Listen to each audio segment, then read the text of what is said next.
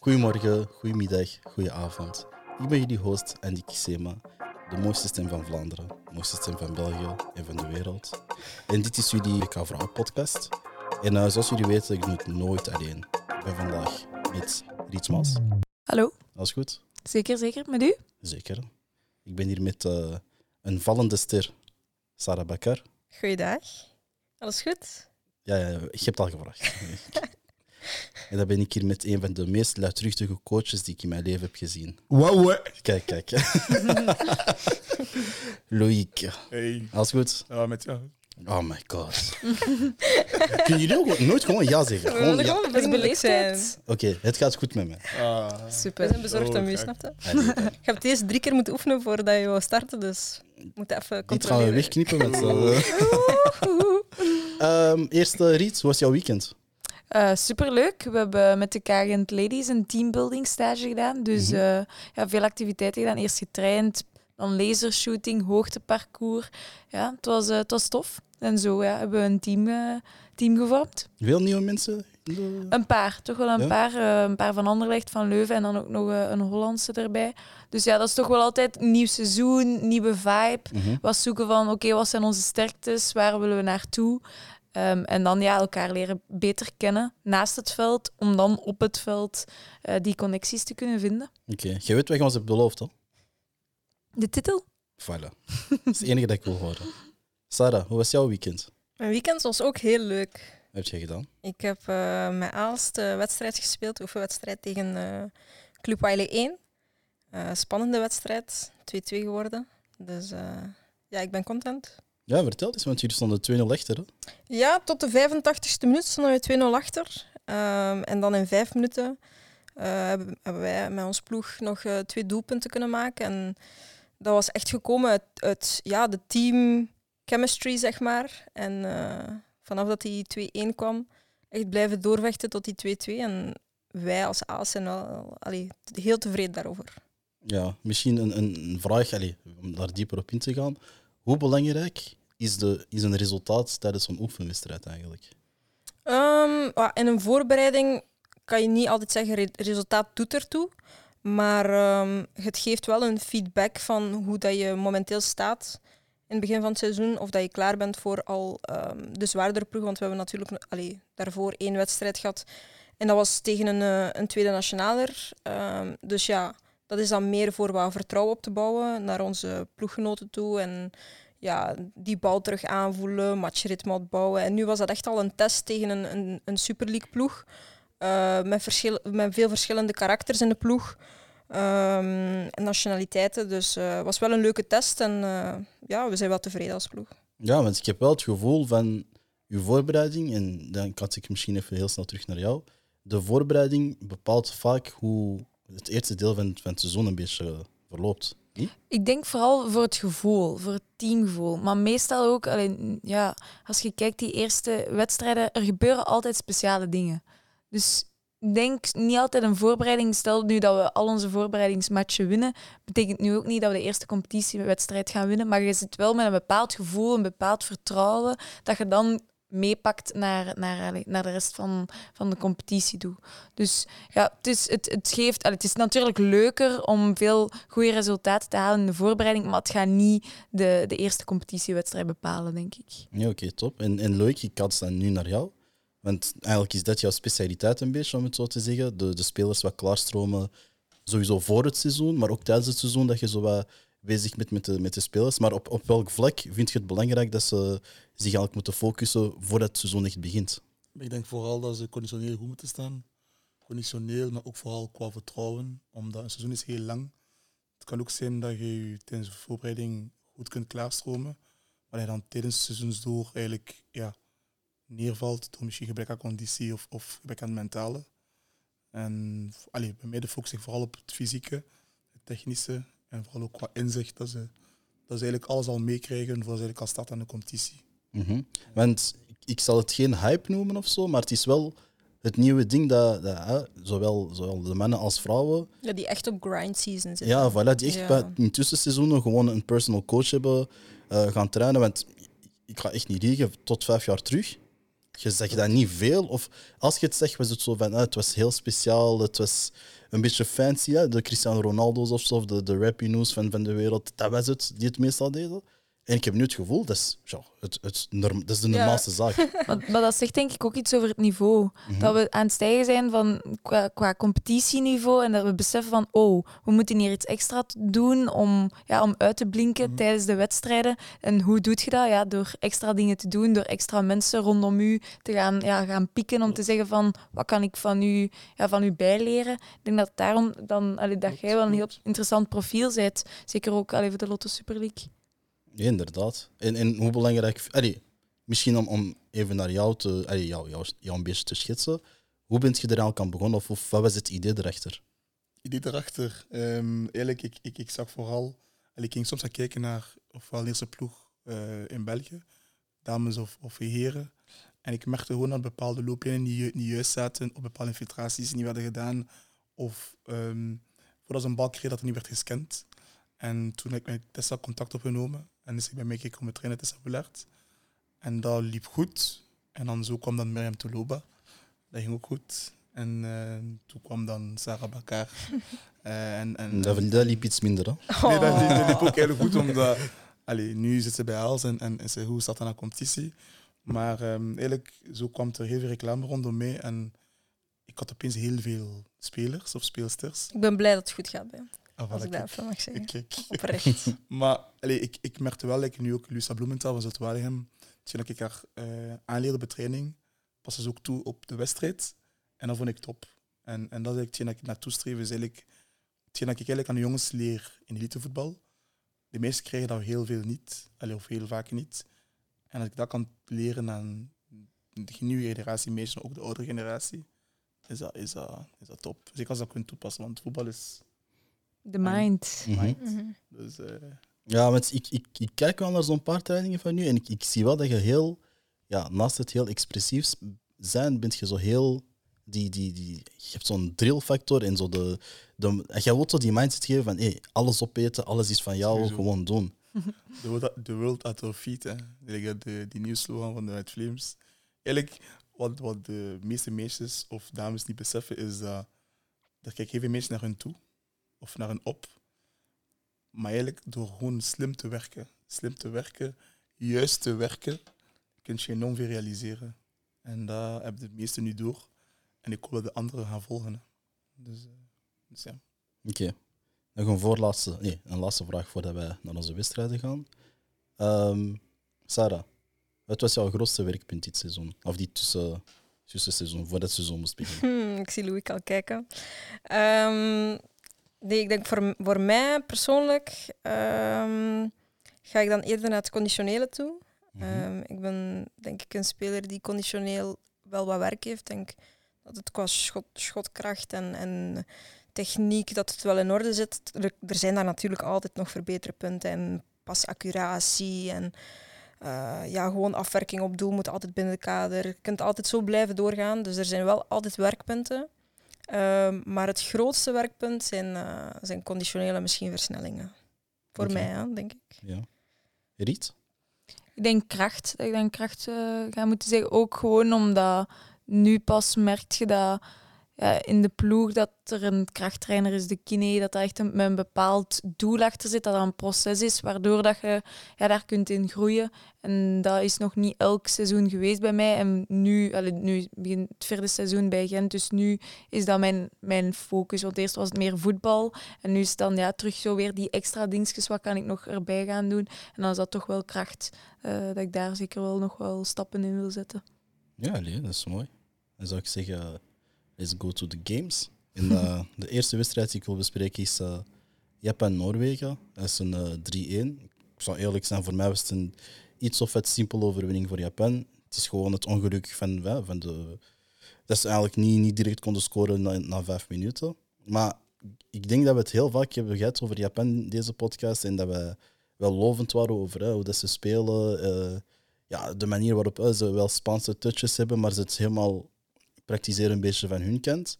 En eh, een vraag naar, naar Riet. Dus we hebben dat er net gezien, we waren een match van Kortrijk aan, het- aan het bekijken. Mhm. We waren eh, over de keeper bezig, dat hij eh, ja, iemand heeft afgekapt.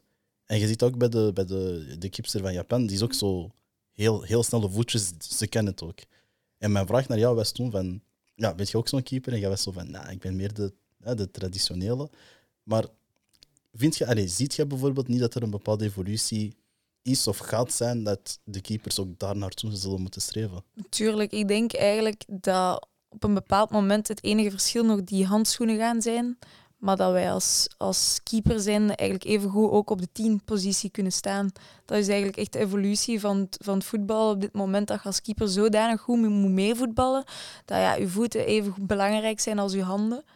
Ehm, dus ja, voetbaltechnisch ja, moet je mee kunnen eigenlijk. Mhm. Maar is dat niet moeilijk als je zo altijd de focus hebt gehad op alles met de handen, zo een, een lang schot en zo? Ja, ik- soms vind ik het zelf een beetje te allemaal. Want als keeper, wat is je hoofddoel? De bal tegenhouden. Mhm. Maar ze verwachten ook al van u dat je dus hè, bijvoorbeeld de team kunt zijn. Maar dat, ja, op den duur zet je twee personen in één. En ja, keepertraining is dan, ja, was vroeger meestal de focus op met de handen. En nu begint je dat ook wel meer te zien van ja, dat het ook de voeten zijn dat je moet opwarmen, om het zo te zeggen. Keeperopwarming is dus niet meer alleen duiken. Ehm, maar ja, ik, ik vind dat geweldig. Dat zijn zo ja, extra uitdagingen dat, dat je ziet dat allemaal ja, op een andere kant, naar een andere kant toe evolueert. Dus ja, dat, is, dat zijn leuke uitdagingen. Mhm. Coach. Hm. Ik zag u kijken. Ja, het is eigenlijk de nieuwe generatie die nu op komst is. Qua keepers, die gaan zot zijn. Omdat wat we nu vooral doen in elitevoetbal, is dat we hebben tot en met U12 geen vaste keepers. Dus Ja. eigenlijk, uw keeper is eigenlijk een speler die soms in doel wil staan. Maar heel vaak gaan we een speler in doel zetten die heel goed kan kappen en draaien. Die heel goed kan infiltreren. Dus op het moment dat hij dan met U12 wil, dat hij keeper worden, maar dat eigenlijk een keeper zijn die voetbaltechnisch enorm sterk is. En soms een best in team. Eigenlijk wil je gewoon dan met de keeper een extra man creëren. Dat Ja, een elfde elf speler. Ja, klopt. Maar dus tot welke leeftijd is het? 12 jaar? Maar zien heb je tot U12 geen vaste keeper. Ja. Alleen bepaalde clubs doen dat wel. Maar like, andere clubs, like Anderlecht of zo, die Mechelen ook niet, die hebben geen vaste keeper. Maar die gaan wel eigenlijk spelers gaan creëren, opleiden, tot en met U12. En vanaf U13 start eigenlijk pas elite, elite, elite. Ja. Dan heb je wel een vaste keeper nodig, twee. Mhm. Ja, Mm. Ik, ik heb ook tot mijn 12 jaar afgewisseld, of misschien was het zelfs mijn 14. Maar ik vind het wel nog altijd belangrijk dat ik daarvoor ook keepertraining heb gehad. Want zeker allee, bepaalde ja, technieken voor te duiken ook vooral, zeker als vrouw, uw heupen, ja, dat, is, allee, dat zijn heilige lichaamsdelen, om het zo te zeggen. En dat moet echt juist zitten, die techniek, omdat je anders, allee, ja, ja, anders zet je zelf al in het zak. Ehm, dus daar gaan ze dan ook wel. Ik weet niet Maar hoe, dat doen ze dat. ook bijvoorbeeld. Allez, stel je voor, je start aan een seizoen met eh, vier jongens die willen keeper worden. Die, trainen eigenlijk, al die doen al trainingen mee.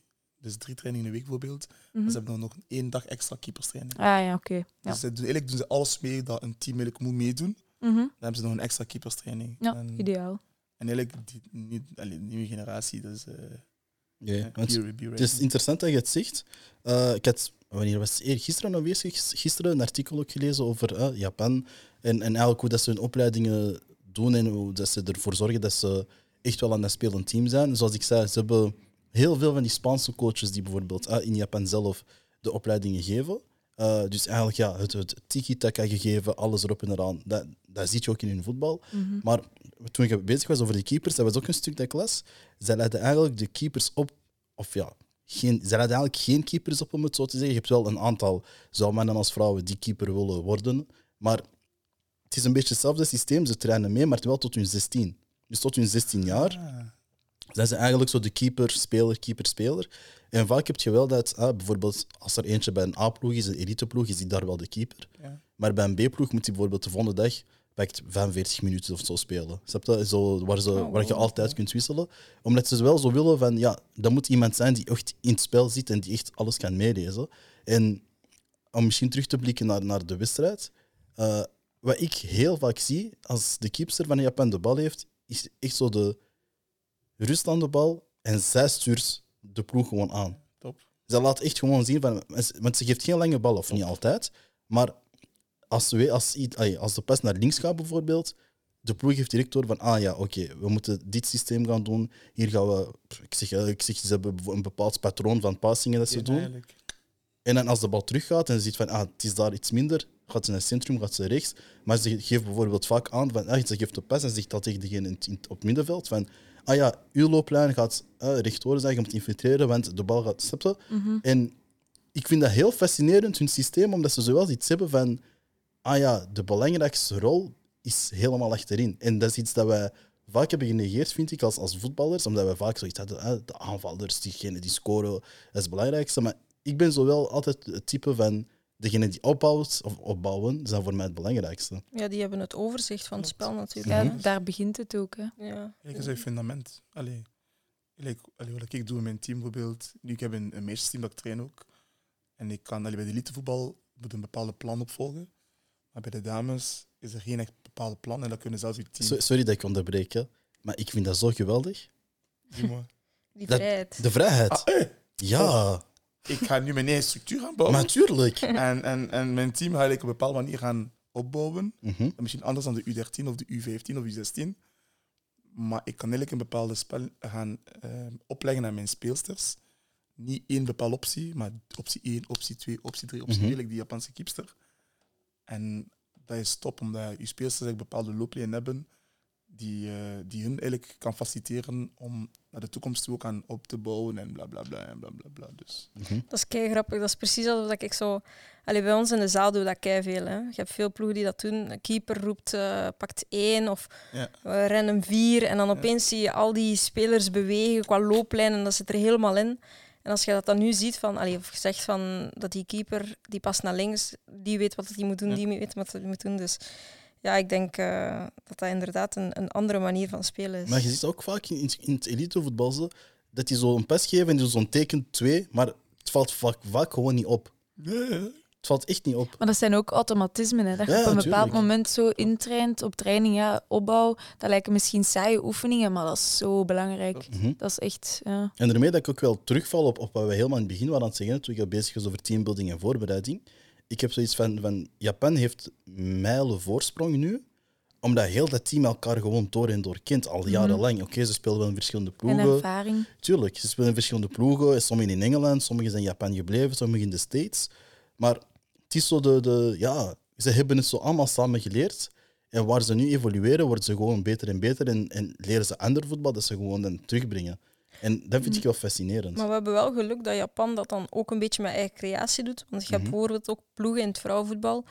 Ehm, en ik denk dat je dat meer in het vrouwenvoetbal ziet dan in het mannenvoetbal. Dat, ehm, dat, dat, dat oefeningen die echt op training gegeven worden, echt worden toegepast op de wedstrijd. Maar dat er dan ook geen optie B is. Mhm, mhm. Dus dat er echt een, een ja, die wordt naar daar gepast. Oké, ik moet naar daar lopen. Alles loopt volgens het boekje. En vanaf dat er één iets fout loopt of ehm, een pas komt niet aan of een onderschepping, dan is er meteen chaos en dan weet je niet meer hoe dat je verder moet opbouwen. En dat moeten we een beetje proberen vermijden als vrouw zijnde. creativiteit. Laat de creatief zijn op het Zeker. veld. En ja. ja, waarom is ehm, Engeland ook kampioen, Europees kampioen geworden? Hun bondscoach, Sarina Wiegman. Ik denk niet dat ze een plan B heeft, ik denk dat ze een plan Z heeft. Ja, Ja, dus ja, ja, ja, ja, Die ja, vrouw, ja, ja. allee, geweldig. Blijft oplossingen bedenken. Maar zel- zelfs nu, ik bedoel, ze hebben hey, laatst, eh, we hebben het, eh, 6-1, 7-1 gewonnen. Met uh, Lauren James die drie keer sco- eh, twee keer scoort en drie assisten.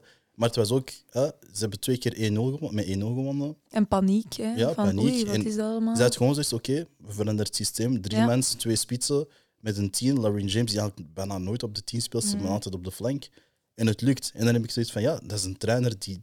Die ik denk, snapt. ik, ja, Ja. ik denk dat, dat dat als speelster geweldig is om onder haar te, Maar- te spelen. Echt één training. Ik zou ervoor, ja, ik zou er alles voor willen doen. Eén training met haar, wauw. Ja. Een ander ploeg dat altijd veel oplossingen heeft, maar dat de Japan minder had gedaan, is Spanje. Elke, eh, rustig heeft gewonnen met 5-1. En over Spanje, dan, als, ah, ik denk dat dat het topic van vandaag een beetje gaat zijn. Een beetje voetbal-DNA en, en van, waar, van waar het komt. Ik zie eigenlijk overal in Spanje dat dat nu op elitevoetbal is, op, op mannen, vrouwen, zelfs ja, mensen die op straat spelen. Ze spelen allemaal een bepaaldezelfde voetbal, een bepaaldezelfde filosofie. Genre, je moet als geen voetballer zijn geweest of zo, vanaf dat hij de bal raakt en die spelen een ploeg, die hebben zo allemaal zo dat klik van ah, tiki-taka, we gaan hier snel lopen of snel passen, snel dit, snel dat. Maar waarin ze allemaal, ja, allemaal ik overdrijf een beetje, hè, maar als ik een beetje kan veralgemenen, het zijn vaak ook geen killers. Het zijn vaak niet de mensen die, die bijvoorbeeld, ik zeg maar, zoals de Duitsers bijvoorbeeld, ineens een, constant gaan beginnen scoren. Nee, ze gaan zo meer letten op het, ah ja, we moeten het mooi Mooi, scoren ja. en het moet niet op een different dat, manier dat zijn. mis ik. Allee, dat, dat mis ik een beetje. Want nu ook die wedstrijd van Spanje. Ik denk drie goals vallen uit een voorzet. Wat we al heel veel hebben gezien dit, eh, dit WK. Die gewoon eh, ja, pasje naar buiten, voorzet, kopbal. Ehm, en dat had ik wel bij Japan. Ik denk dat de laatste goal tussendoor was. Mhm. Dus twee, meteen twee verdedigers uitgeschakeld. En, eh, en dat mis ik nog te veel in het voetbal bij de vrouwen. Gewoon die bal tussendoor of eventueel een individuele actie. Die hebben we nu wel iets meer gezien dit WK. Maar gewoon zo dat, ja, dat, zoals hij zegt, creativiteit, Ja, maar dat mist nog iets te veel, denk Eigenlijk ik. Spanje, allee, wat Belle ook doet, vooral aan Anderlecht en zo, ze creëren gewoon middenvelders. Eigenlijk, ze creëren, ze creëren nooit spitsen. Mhm. Ze creëren enkel middenvelders. Dus eigenlijk, ieder profiel dat je creëert, dat is voor later op middenveld te gaan spelen. En dat zie je dat Spanje doet. Spanje creëert eigenlijk gewoon middenvelders. Je hebt bijvoorbeeld dat, die van eh, eh, Isco van Real. Mhm. Zet je op de 10, ja, topspelen op de 8, op de, op de 6, op de 11, op de, op de 7, eh 9. Ja, multifunctioneel die, eigenlijk. eigenlijk die creëren gewoon, eigenlijk als je een speler kunt creëren op het middenveld, die snel kan denken, snel kan draaien, snel kan kijken, infiltratie, die passen kan doorgeven, kan dat ook op de flanken doen. Mhm. Rechtsachter, linksachter, 3, 4. Ik denk Mm. ook dat ik meer fan ben van Japan door het feit, hè, wat we zeggen, Spanje. Japan is eigenlijk Spanje, maar dan toch nog die verticaliteit voetbal. Want daarin vind ik wel echt dat ze heel hard opvallen. Ja, wat is de kortste weg naar doel? Ja, ja. Nou, breed, En zo efficiënt dan. En dan mist Spanje dan wel nog. Oké, het is mooi. Maar ja, waar draait het om? Scoren. Doelpunten, doelpunten winnen. maken. Ja, en is- ik denk ook vooral dat wij, wij, wij dolen vaak op de manier waarop. Mhm. Uh, Om een voorbeeld te geven, van, hè, de, wij weten bijvoorbeeld, de Red Flames, dat is heel vaak omschakeling, omschakeling, omschakeling. Maar eenmaal dat de Red Flames vaak aan de bal zijn, is het vaak moeilijk om het te doen. Spanje is zo het omgekeerde. En Japan heeft dan echt de- de, de mix van de twee. Ja, de combi. Hoe dat je 4-0... Snap je? S- Japan heeft met 4-0 van Spanje gewonnen. Alleen met omschakelingen. En die waren Mhm. super scherp. Ik bedoel, drie keer naar doel gaan, drie keer scoren. Efficiëntie, ja. En dan voor de rest gewoon goed, goed uitverdedigen. Daarna nog een vierde erbij. En hier ook terug. Ze hebben op drie verschillende manieren gescoord. En, en dat is iets dat ik bij Spanje heel weinig zie. En wat ik gewoon vreemd vind, een beetje zoals bij jou, die, die voorzetten die er bij Spanje zijn. Want er is zoveel ja lange dat- speelsters dat zijn er eigenlijk komen. niet. Ja. En dat, dat denk ik echt dat dat iets meer van het boekje is van... Ja, ehm, we bouwen op achterin, centraal, die, die bal gaat naar buiten, zoals op de, op de wedstrijd. Allee, op de training dan, zeg maar. We, we passen dat toe op de wedstrijd. En er volgt een doelpunt. En dan merk ik echt, dit WK, dat er heel veel zo'n fases zijn. Is dat een probleem voor later? Denk je? Ik denk niet dat dat per se een, een probleem zou creëren, maar ehm, ik zeg het, ehm, als er veel ploegen zijn die rekenen op die eh, oefeningen van op de training en als er één iets misloopt en er is te weinig creativiteit in de ploeg om dat te kunnen oplossen, dan gaat dat wel een probleem worden. Als je ploegen hebt, bijvoorbeeld eh, zoals in Engeland, die, die weet hoe dat ze het moeten oplossen, Mhm. dan is dat heel leuk om naartoe te kijken. Dan ga je heel veel verschillende dingen zien.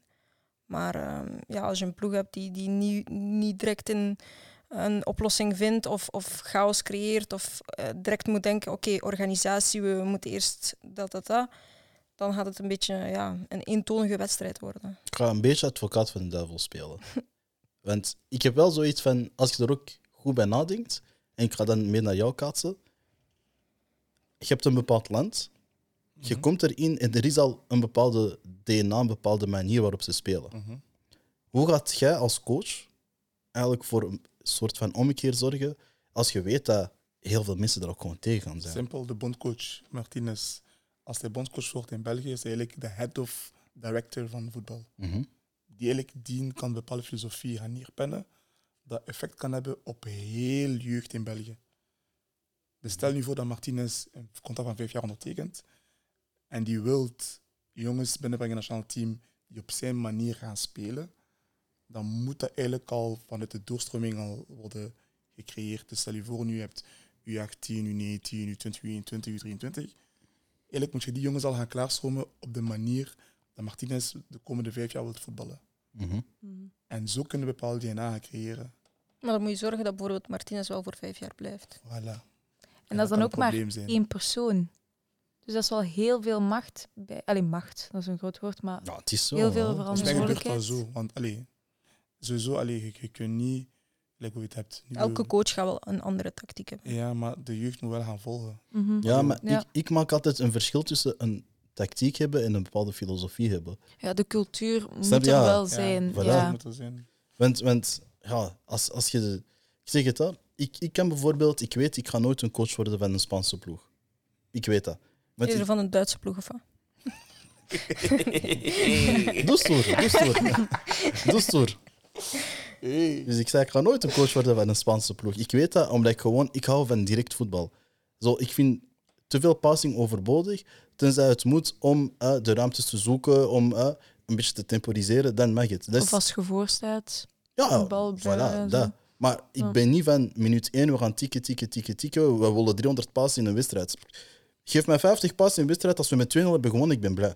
Snap je wat ik bedoel? Bij Ja. wijze van spreken. Dus ik heb zoiets van, ik vind dat nog steeds moeilijk. En ja, het is, het is, het is misschien iets dat, dat...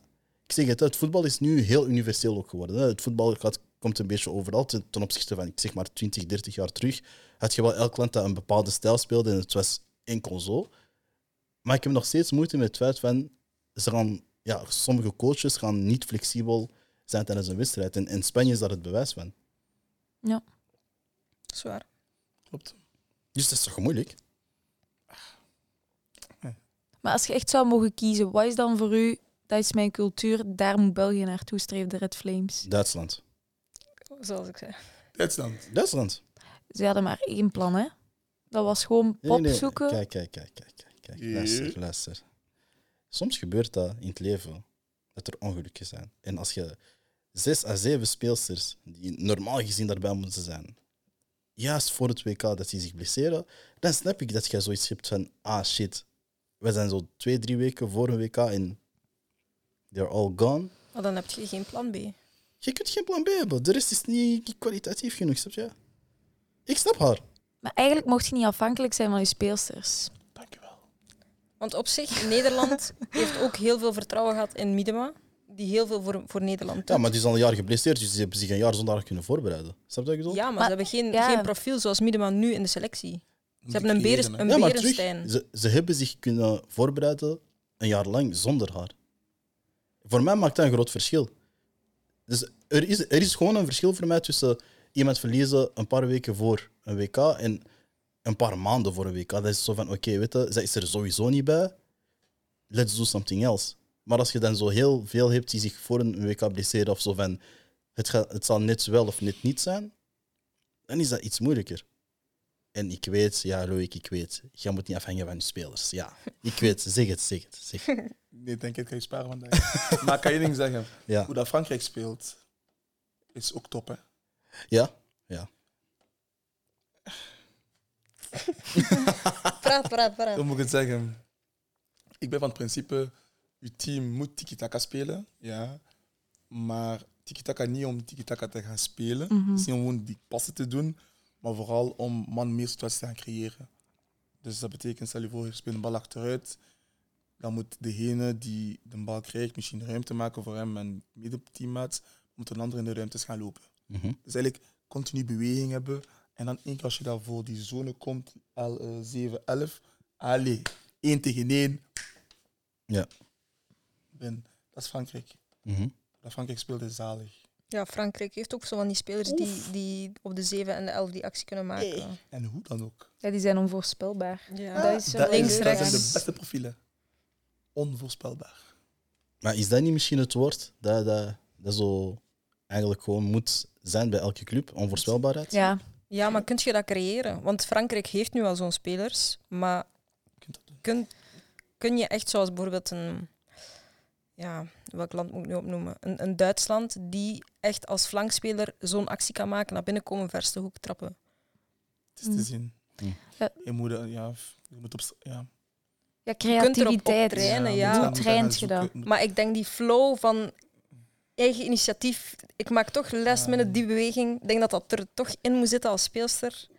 En dat je dat niet echt. Je kunt daar zoveel Ja. trainen als dat je wilt. Maar ja, ik denk. maar je hebt gelijk. Maar allee, de- daarmee, hoe traint je dat? Ik denk gewoon, like, like, weet, een, een, eh, stel je voor... Hoe zou jij daarop trainen? dat als je daarop zou trainen? Ik zou eerst gaan zoeken naar spelers die dat kunnen. Mhm.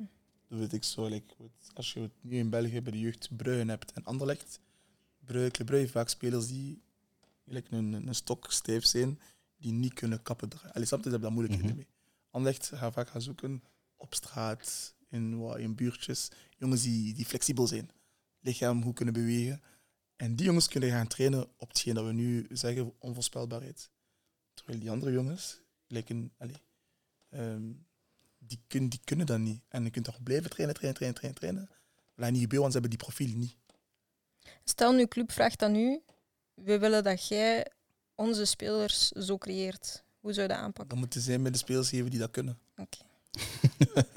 Maar dat, dat is ook zo altijd het ding. Hè. Hoeveel procent geeft je aan iemand die dat succesvol is? talent en, en werken. Ja. Sommigen zeggen eh, 80% is talent. Sommigen zeggen nee, nee, 80% is werken, Mhm. 20% talent.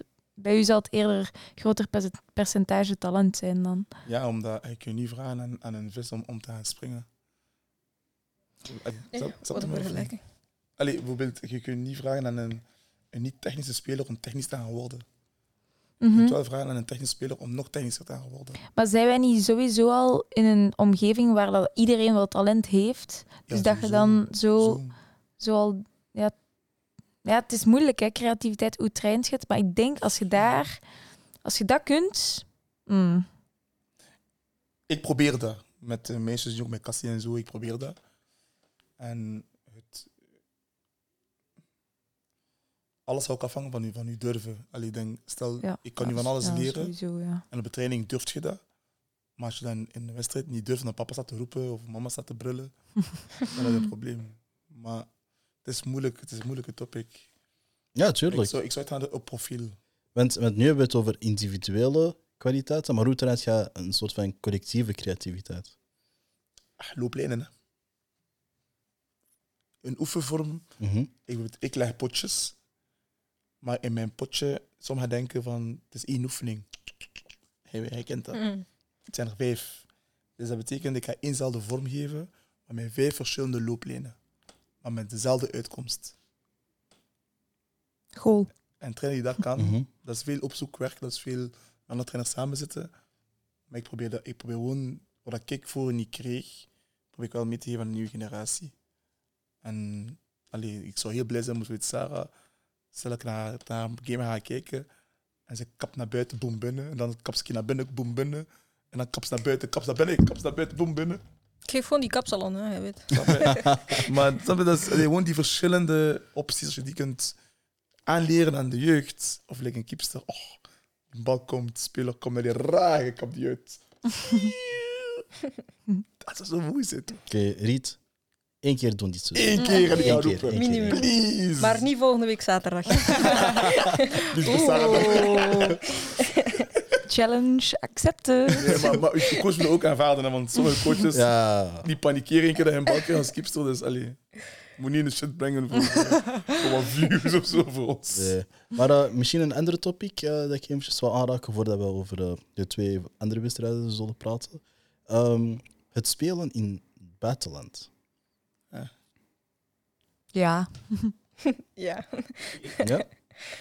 Nee, waarom vraag ik dat? Ehm, dat is, ja, ik, ik zeg het, ik ben geen onderzoek aan het doen, maar het is meer van heel het WK door ben ik vaak gewoon aan het zien van, ah ja, van waar speelt hij, welke ploeg speelt hij.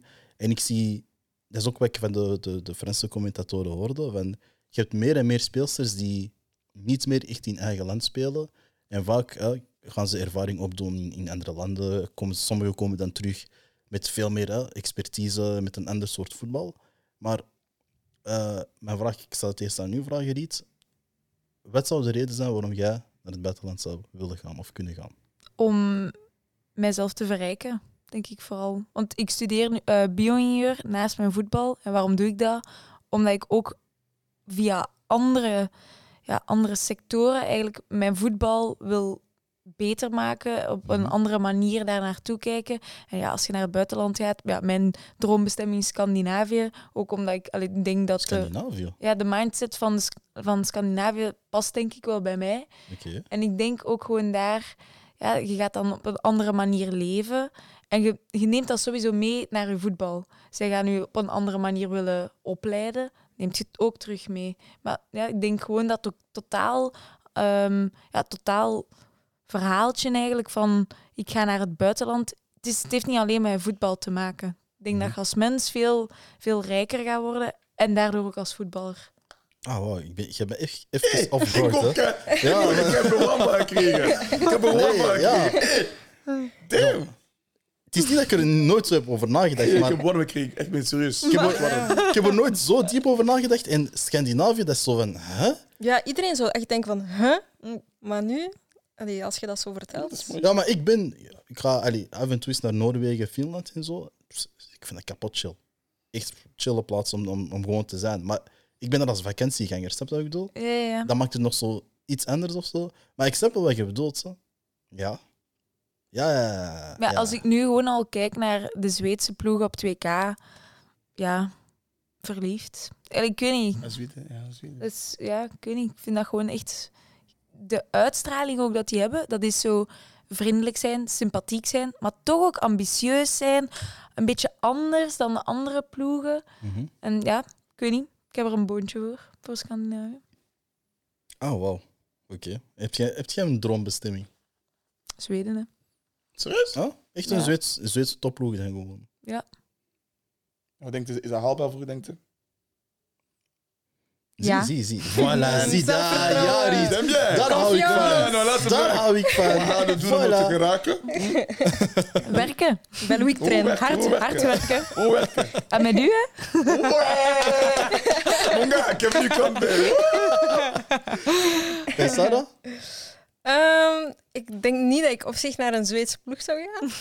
maar ehm, ja, mijn droomploeg is natuurlijk Ajax. Ehm, en ik denk ook, ja, Franse competitie, die technische vermogen, Sarah, denk het.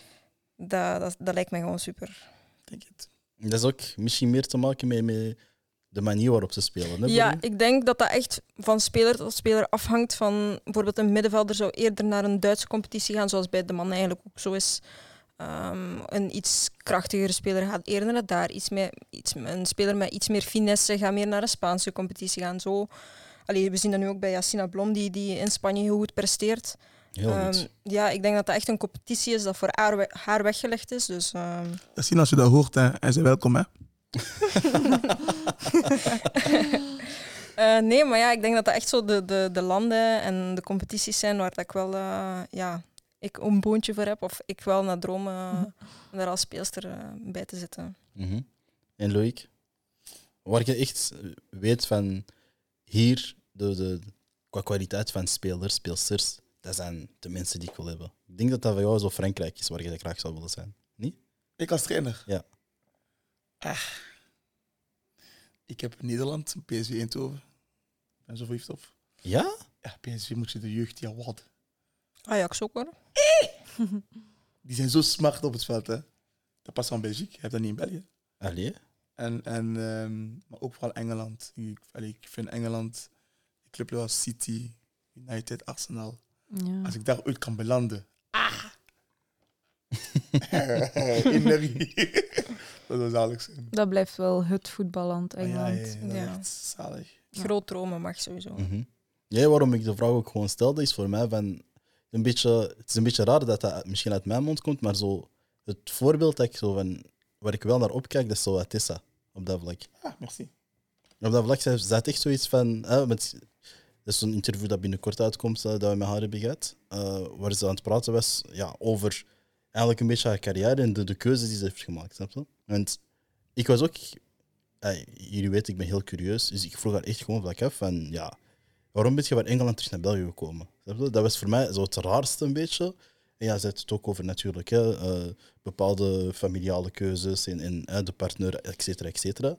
Maar ehm, daarnaast zei ze ook van ja, alles wat ik daar heb geleerd in, in, in Engeland, heeft zij, Engeland en Duitsland dan, heeft zij meegenomen en dat heeft haar gewoon zo goed gemaakt dat zij hier eigenlijk gewoon een, ja, tussen aanhalingstekens, een boegbeeld was in, Anderlecht. Snap je? Je komt terug, je bent topschutter, kampioen, alles erop en eraan, je speelt jarenlang terug kampioen. En zij zegt echt van, het buitenland maakt iedereen gewoon sterker, slimmer, wat dan ook, oké, wij kunnen het gewoon zeggen hier, omdat het daar waarschijnlijk veel serieuzer wordt genomen en, en alles erop en eraan. Maar ook bij haar terugkomst zegt zij, van, mijn mindset was helemaal anders. Zij, zij had bijvoorbeeld altijd nood aan trainingen naast de groepstrainingen. Mhm. En ze zegt bijvoorbeeld, hè, bij de rest dat dat bijvoorbeeld niet het geval was. Zo, hè, zo, wacht, wat was? Ik- elke avond trainde ze toen nog. Mhm. Dat was meer dan genoeg. Voor haar was nee. Ik moet in de ochtend elke keer gaan joggen, in de middag even gaan shotten, als het een uur of twee of zo, en dan in de avond training. En dan zei ze ook van ja, daardoor zag je gewoon dat het verschil tonnen hoog was tussen haar en vaak andere, andere ploegmaatjes die niet zoveel trainden. En je zag ook wel dat ze, ze heeft dat invloed er een beetje ingepompt. Snap? Zo van, eigenlijk als, als we echt als Anderlecht zijnde iets willen betekenen, moeten we allemaal naar dat ding gaan. En ik weet, het was het jaar dat Anderlecht Champions League speelde, dat dat ook was van, iedereen had zo'n beetje die klik daar van, oké, het is nu de evolutie die moet komen. De reden waarom ze ook terug naar Nederland is gegaan, is puur omdat ze zegt van, ja, het gaat veel te traag hier, daar ben ik veel beter. 100%. Eigenlijk is dat toch gek dat dat van een speelster moet afkomen, dat die professionaliteit in de club moet komen. Tuurlijk. Ze zijn vecht voor jullie, ze vecht voor jullie. Het is, dat. Ah, ze krijgt veel shit naar haar hoofd, ze vecht echt voor jullie. Hè. Ik vind dat sterk van haar. Hè. Mhm. Maar dat klopt wel wat je zegt van dat het echt van de speelster zelf moet komen. Want nu, hè, onze podcast, waar ik u al heb over Mhm. verteld. Wacht, samen- wacht, wacht. Voordat je, voordat je verder wilt spreken, zeg even wat jouw podcast is. Snel, snel, snel. Even reclame. Buiten de lijnen podcast met Nia Lin. Allemaal te volgen op Instagram, YouTube en Spotify. Ah, Nou, let's- dat let's was go. volgen. Ja. Voilà. Kijk, Zo moet dat. hoe. Gewoon, kijk, hij zit heel te reclame te maken over zichzelf. Jij mag dat ook. We don't Hey, we care. gaan nu volgen, hè? Ja, we Dus don't buiten care. de promoten. lijnen, buiten de lijnen, buiten de lijnen. Nee, sorry, zeg maar woord. Ja, dus daarin willen we eigenlijk ook tonen aan de mensen van, kijk, dit is de Belgische vrouwencompetitie. Mhm. Wij kunnen shotten, leren ons kennen, maar dat moet allemaal van ons komen. En dat is, ja, we hebben ook andere mensen nodig Ja, ja, ja, ja. om, om samen er eens naartoe te gaan. Zoals. Investeerders. Dat hebben we nodig. Oké, Zodra die er zijn, kan er professionaliteit komen. oké. Ça va, merci. En dat gaat echt een reflectie geven op speelsters die echt dat werk daarin willen steken. Ja, tuurlijk. Want kijk, voor mij bijvoorbeeld nu, je hebt Oezraoui die, die letterlijk op een WK zit, eh, de laatste, zes- in de laatste 16 zit. En ze speelt, ja, ze gaan nu voor Anderlecht spelen. Maar dat is eentje van RWDM gewoon. Hè. Het is gewoon iemand van Brusselse. Oh. Geweldig, hè? Ja, waardoor dus ik, ik heb zoiets van, ah, dat kan toch niet. En, en dat is vaak mijn vergelijking met heel veel landen. Eh, we gaan het zo meteen over Zuid-Afrika hebben. En, en bijvoorbeeld Jamaica was tot vijf jaar nog nergens. Snap je wat ik Mhm. bedoel? En toch kunnen ze heel snel van, van, van niks naar iets gaan en, en deftig presteren. Ik bedoel, Brazil eruit halen op een WK. Dat is niet, dat is niet, dat, is Ja. niet, dat, dat doet je niet zomaar, snap je? Ja. En, en, en ik kom dan terug altijd vaak van, ja, de Red Flames konden dat ook. Vaak kijk ik ook naar, naar de Champions League van de vrouwen. Ik kijk soms naar, naar die Poolse ploegen die daar niet meespelen. Ik heb zoiets van, "Ugh, zit een Anderlecht daar, zit zelfs een standaard daar, die doen het toch veel beter. Snap je? What's Ja. going on? En dat is, ik ben vaak gewoon gefrustreerd, snap je? Mhm. Ja, ik denk dat dat voor mij, dat is gewoon als fan, maar ik denk voor jullie die, die ja, jullie twee spelen, jij, jij, jij ziet dat een beetje als Ah, coach. hoofdpijn. Ja, tuurlijk, want de, de spelers komen ook bij jou klagen, bijvoorbeeld. Ah, veel! veel! Nee, nee, maar het is, eh, het is zot. Maar weet je, voor, eh, ik denk twee weken geleden of een week geleden was het wedstrijd Zuid-Waregem Women A tegen uh, Anderlecht B. Anderlecht B kwam met een, een eh, je weet zo die go-school, go-uitroepteken, Mhm. die bus. Zo kwam daarmee. Ja, ik denk dat een eh Anderlecht B-mannen niet eh, in zo'n busje zou toekomen. Nee, je hebt gelijk. En dat zijn kleine dingen, hè. Dat zijn echt kleine dingen waar dan eigenlijk een gewone supporter nooit op zou letten. Deze week Maar- ehm, hadden wij woensdag oefenwedstrijd in Brugge. We moesten allemaal apart naar daar gaan. Je kunt dat bij de mannen niet voorstellen. Geen bus, dus geen groepsfeer, niet al... Voor oefenwedstrijd niet, nee. Attends, is er verschil met oefenwedstrijd en een Ja, de, de competitiewedstrijden wel altijd eh, de bus. oefenmatch niet? Nee.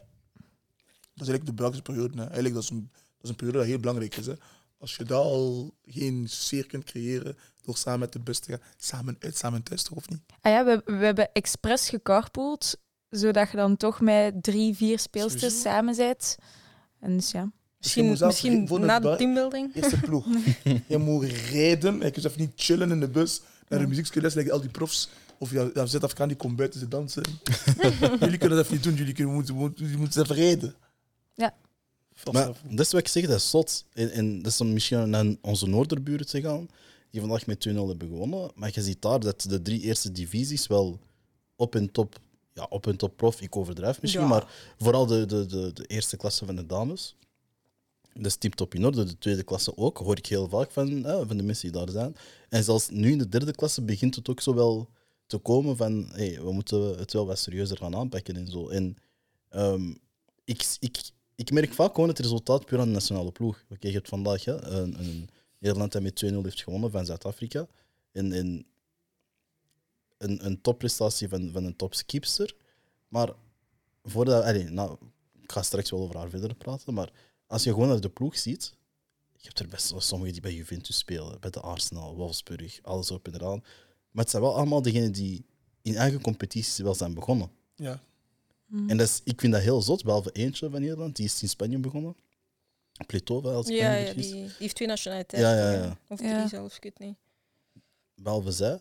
Maar ik vind dat heel merkwaardig hoe al die kleine details waar wij nu het over hadden, een effect kunnen hebben op eigenlijk het verloop van, van hoe, ja, hoe de nationale ploeg gaat. Want allee, kijk nu, dat is- en Nederland is gewoon, allee, vrouwenvoetbal is gewoon, ja, dat is gewoon top. Hè? verder, Ja, Het was vorige, vorige week had er nog een finale gespeeld, als ik mij niet vergis. ja, Ja, tegen, eh, tegen Ja. USA, ja. Snap je? Allee, om maar te zeggen, als Nederland geen halve finale, niet in de halve finale geraakt, is dat teleurstellend. Mhm. Terwijl bij het mannenvoetbal, nu Nederland, als ze de halve finale geraken, is dat nog zo van wauw, ja, oké. ja, ja, ja. Snap je wat ik bedoel? En, en ik heb zoiets van, nee, sorry, we zijn nu in een fase, bijvoorbeeld hè, de Red Flames, of whatever dan ook, dat moet veel verder. Maar ja, om dan terug, hè, Nederland vandaag 2-0 gewonnen, je collega Domselaar, of is van Domselaar, Domselaar. Van Van Domselaar. Ja. topprestatie. Ja, wauw. Ik vond echt dat ze, ze- de eerste helft heeft ze daar bepaalde reddingen gedaan. Ja, ze heeft haar ploeg gewoon recht gehouden.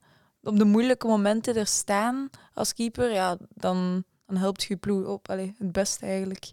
En ze heeft ook wel een mooie uitstraling. Ze is, ja, ik vind haar een moderne keepster. ehm, omdat ze is slank, ze is echt atletisch.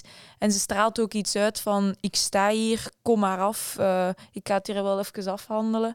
En ook ja, snel geboomd. Hè. Vorig jaar uit TK heeft haar kans gekregen, Mhm. meteen gegrepen. Nu Twente een goed seizoen gespeeld en dan maakt ze een transfer naar Engeland. We- Speelt ze ook weer een goed WK. Dus ja, het kan rap gaan in het voetbal. Mhm.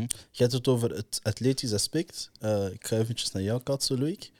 Eh, als keeper, hoe belangrijk is het eigenlijk om helemaal fit, slank, whatever te zijn? Maar je moet eigenlijk gewoon snel kunnen uitkomen, denk ik. Stel een lange bal te geven, snel kunnen uitkomen. Dus snel, eh, ook vooral de eh, reactiesnelheid. En ik denk als je wat zwaarder bent, of allee, moet ik zeggen, de manier waarop je op de grond bent, snel terechtkomen, dat is ook te maken met je lichaam, denk ik. Ehm, en ja, ik denk vooral die je sprongkracht, je sprongkracht, je, je, je, ehm, op je tenen. eh, Voetenwerk, Voorvoeten, voetenwerk, ja. coördinatie, wendbaarheid. wendbaarheid. Dat zijn allemaal, dat zijn allemaal atletische punten die, die wel belangrijk zijn. Ja, ik, vraag, ik vraag het aan nu ook. Eh, je had een paar jaar terug hè, de, de grote Justine Deurs, die ja, kipster.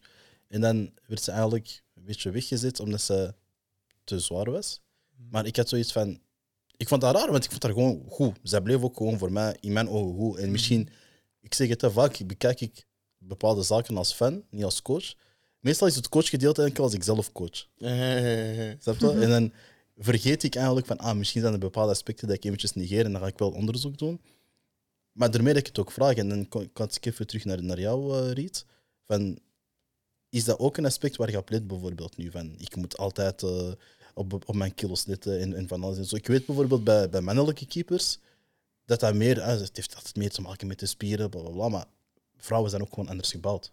Dat is daarom de vraag. Ja, maar ik ben zo gepassioneerd door voeding. Dus sowieso levensstijl en alles rond. Ik vind dat geweldig. Daarom studeer ik ook bio-ingenieur om de chemieweg op te gaan. En dus voor mij is dat ook belangrijk. Voor mij is dat part of topsport. Ehm, ja, dat je, hoe dat je ernaast leeft, dat bepaalt ook hoe dat je op het terrein bent. Dus ja, ik vind dat eigenlijk heel belangrijk dat er zo'n voorbeelden als die van Domselaar zijn. Dat je ook ziet van, keepsters zijn niet de traagste van de ploeg die dat we even in de goal zetten. Maar nee, dat zijn gewoon degenen die dat het atletisch het sterkst zijn om op dat moment en goed kort eh, ja, versnellingen te kunnen doen en die sprongkracht hebben en ook nog eens snel de grond op zijn en terug recht. En ja, dat vind ik dan geweldig aan haar, dat zij dat ook wel toont van ehm, ja, dit is mijn lichaam en zo moet het zijn. Ik denk dat we dat beeld een beetje vroeger hadden van ja, de keeper is de zwaarste. Ja. En dat is er nu eigenlijk voor, volledig dat is toch gewoon van op school? En daar ben ik blij van. Dat is gewoon van op school, denk ik. Nee, maar, Maar ja, waar, waar is dat gekomen? Ja. Dat dat op school zo was? maar ik denk dat je in het vrouwenvoetbal Ja, meer zag dan in het mannenvoetbal. Ja, Ja? ik denk dat wel. Ik heb veel, allee, toch tegen een paar ploegen gespeeld, dat ik de keeper meestal wel de zwaarste is. En ja, dat is nu wel, allee, zeker met die topploegen, echt aan het wegtrekken. Ja. Dus, Allee. Maar st- maar stel je voor dat je nu je zo zwaar is of zo, of wat breed gebouwd. Je moet ook kijken naar kwaliteiten. En, en, Dat is en- sowieso. En allee, daar Mhm. begint het bij. Ja, dus allee, het is niet omdat ze wat zwaar is dat het niet Afgeschreven, reflectie heeft Of, nee. Ja, voilà, dus Nee. zolang dat ze maar... Want heb je ook sommige keeps, like Justine Deurs, stel als ze misschien wat slanker wordt, misschien gaat ze niet even goed zijn. Ah ja, want dat, dat is ook het ding van, voor mij is dat belangrijk. Maar daarom is dat niet voor haar zo. Merci Want beaucoup. vorig jaar, de play-off 1, Odeurs was allee, top, hè. Oh, elke wedstrijd, hè. Dus ja, maar ik vind dat gewoon belangrijk, want ik voel mij daardoor beter. Dus dat is het, dat Ja, is het het dan- eigenlijk klopt, gewoon. Klopt, klopt. maar het is ook Ja. ja. inderdaad de manier hoe dat je lichaam gebruikt. En, en ja, zij was ook heel sterk. Hè? Dus haar kuiten, haar, eh, die waren Ja, wel... eh, dat was Mhm. Jack Grealish kuiten bijna, om het zo te zeggen. Maar eh, Ja, het ding is, je hebt gelijk, want als zij uitkomt bij een hoge bal, zij doet iedereen weg. ja, ja, ja. Ik denk als speler ben je daar ook wel bang Ja, voor. ja. Ik trek me weg als spits. Nee, maar om dan eh, terug te gaan, dus eh, Nederland wint eh, 2-0 van Zuid-Afrika. En ja, we hebben het heel veel over Nederland gehad, maar ik, heb, ik geef wel de props aan Zuid-Afrika, man. Ja, ze waren dansjes voor de match. Ja. En hun dansjes. Mhm. Ik, ik ken je zo die filmpjes dat je ziet op social media van die Afrikanen die zo super rare bewegingen Mhm. doen, die gaan liggen op de grond en zo'n schijn. Ik had echt dat gevoel als ik naar die wedstrijd keek van Mhm. eentje gaat dat hier op Ja, dit- opeens ja, rennen, ja, ja. jij weet wel. Ja, ja, ja. Je voelde de vibe wel, ja, ja. ik had echt dat gevoel. Want de ene begon daar ook zo Ronaldo-stapjes te doen op een gegeven moment. Ik dacht zo, ja, nu gaat het komen, maar eh, nee, het was wel een leuke match. Maar... Ja, maar ik heb het gevoel, ze, ze amuseerde zich zelfs meer dan echt spelen of zo. Ja, ik denk dat zij gewoon vooral genieten van het Ja. hele gebeuren. Ik denk dat ze niet direct denken van oké, we gaan hier Nederland. Ze weet ook wel wat dat status is van Nederland. Om, om, om die te verslaan moeten we echt op, on, op ons top zijn, op top, top, top zijn. Maar eh, ik denk dat zij vooral genieten van het, het hele gebeuren en dat ze op het WK staan met... Want je voelt die sfeer ook wel op, op het stadion. Ik denk dat ik dat zelf gevoeld heb op, op, dat ik aan het kijken was. Dus eh, nee, voor hen is dat denk ik ook het plezier en het voetbal tezamen. Ja, maar ik, ik had wel het gevoel van, van zeker de eerste helft dat ze het serieus wel meenden van oké, wij willen hier wel voor gaan en, en, en iets doen. Mhm, dat zag ook in de kansen dan. Mhm. dat, ik denk, de eerste helft was voor eh, Zuid-Afrika. Qua kansen, ja, zeker. Ja. Balbezit Ja, geef ik balbezit wel aan, eh, aan Nederland, sowieso. Maar En dat, dat, dat, allee, dat was ook wel te verwachten. ja, ja, ja, sowieso. Ja. Maar qua kansen was het echt gelijk, eh, gelijkaardig. Zo. Ja. En over naar de laatste wedstrijd. Eigenlijk een eh grootmacht dat eindelijk verslagen is. Maar op welke manier? Allee. Nee, maar ja, Allee. kom, 0-0 en eh, er worden hoeveel penalties gemist? Eh, zitten we met een USA van? Nee, nee, nee, dat zeg ik niet. Hè, dat zeg ik niet. Maar eh, allee, als je... Ja. Ja. Nee, zeg het, zeg het, zeg het, zeg het. allee. Maar, ga je gang. Feel free. Nee, ik vond gewoon ja 0-0 en dan op die manier uitgeschakeld worden. Ik denk dat dat als Amerikaan niet zo tof is. Nee. Dat is waar. Dat is waar, dat is waar. Dat is waar. Toch? Oké, een vraag, Loïc. Die man, Hoe verliest jij liever? Je hebt drie opties. ik verlies nooit. Allee. Oh, Ik ben een geboren winnaar. Als je zegt aan mij, ik verlies nooit. Ik, hè. Dus, hoe verliest jij liever? Ja, zeg me. Na 90 minuten, Uh-huh. Na 120 minuten of de penalties? Na 90 minuten. Toch? Ja, geen penalties, kom op. Hey. Dat, is, een- dat is nog meer stress bezorgen om tot te verliezen. Kom op. Laat me eerst... ik wil eerst verliezen.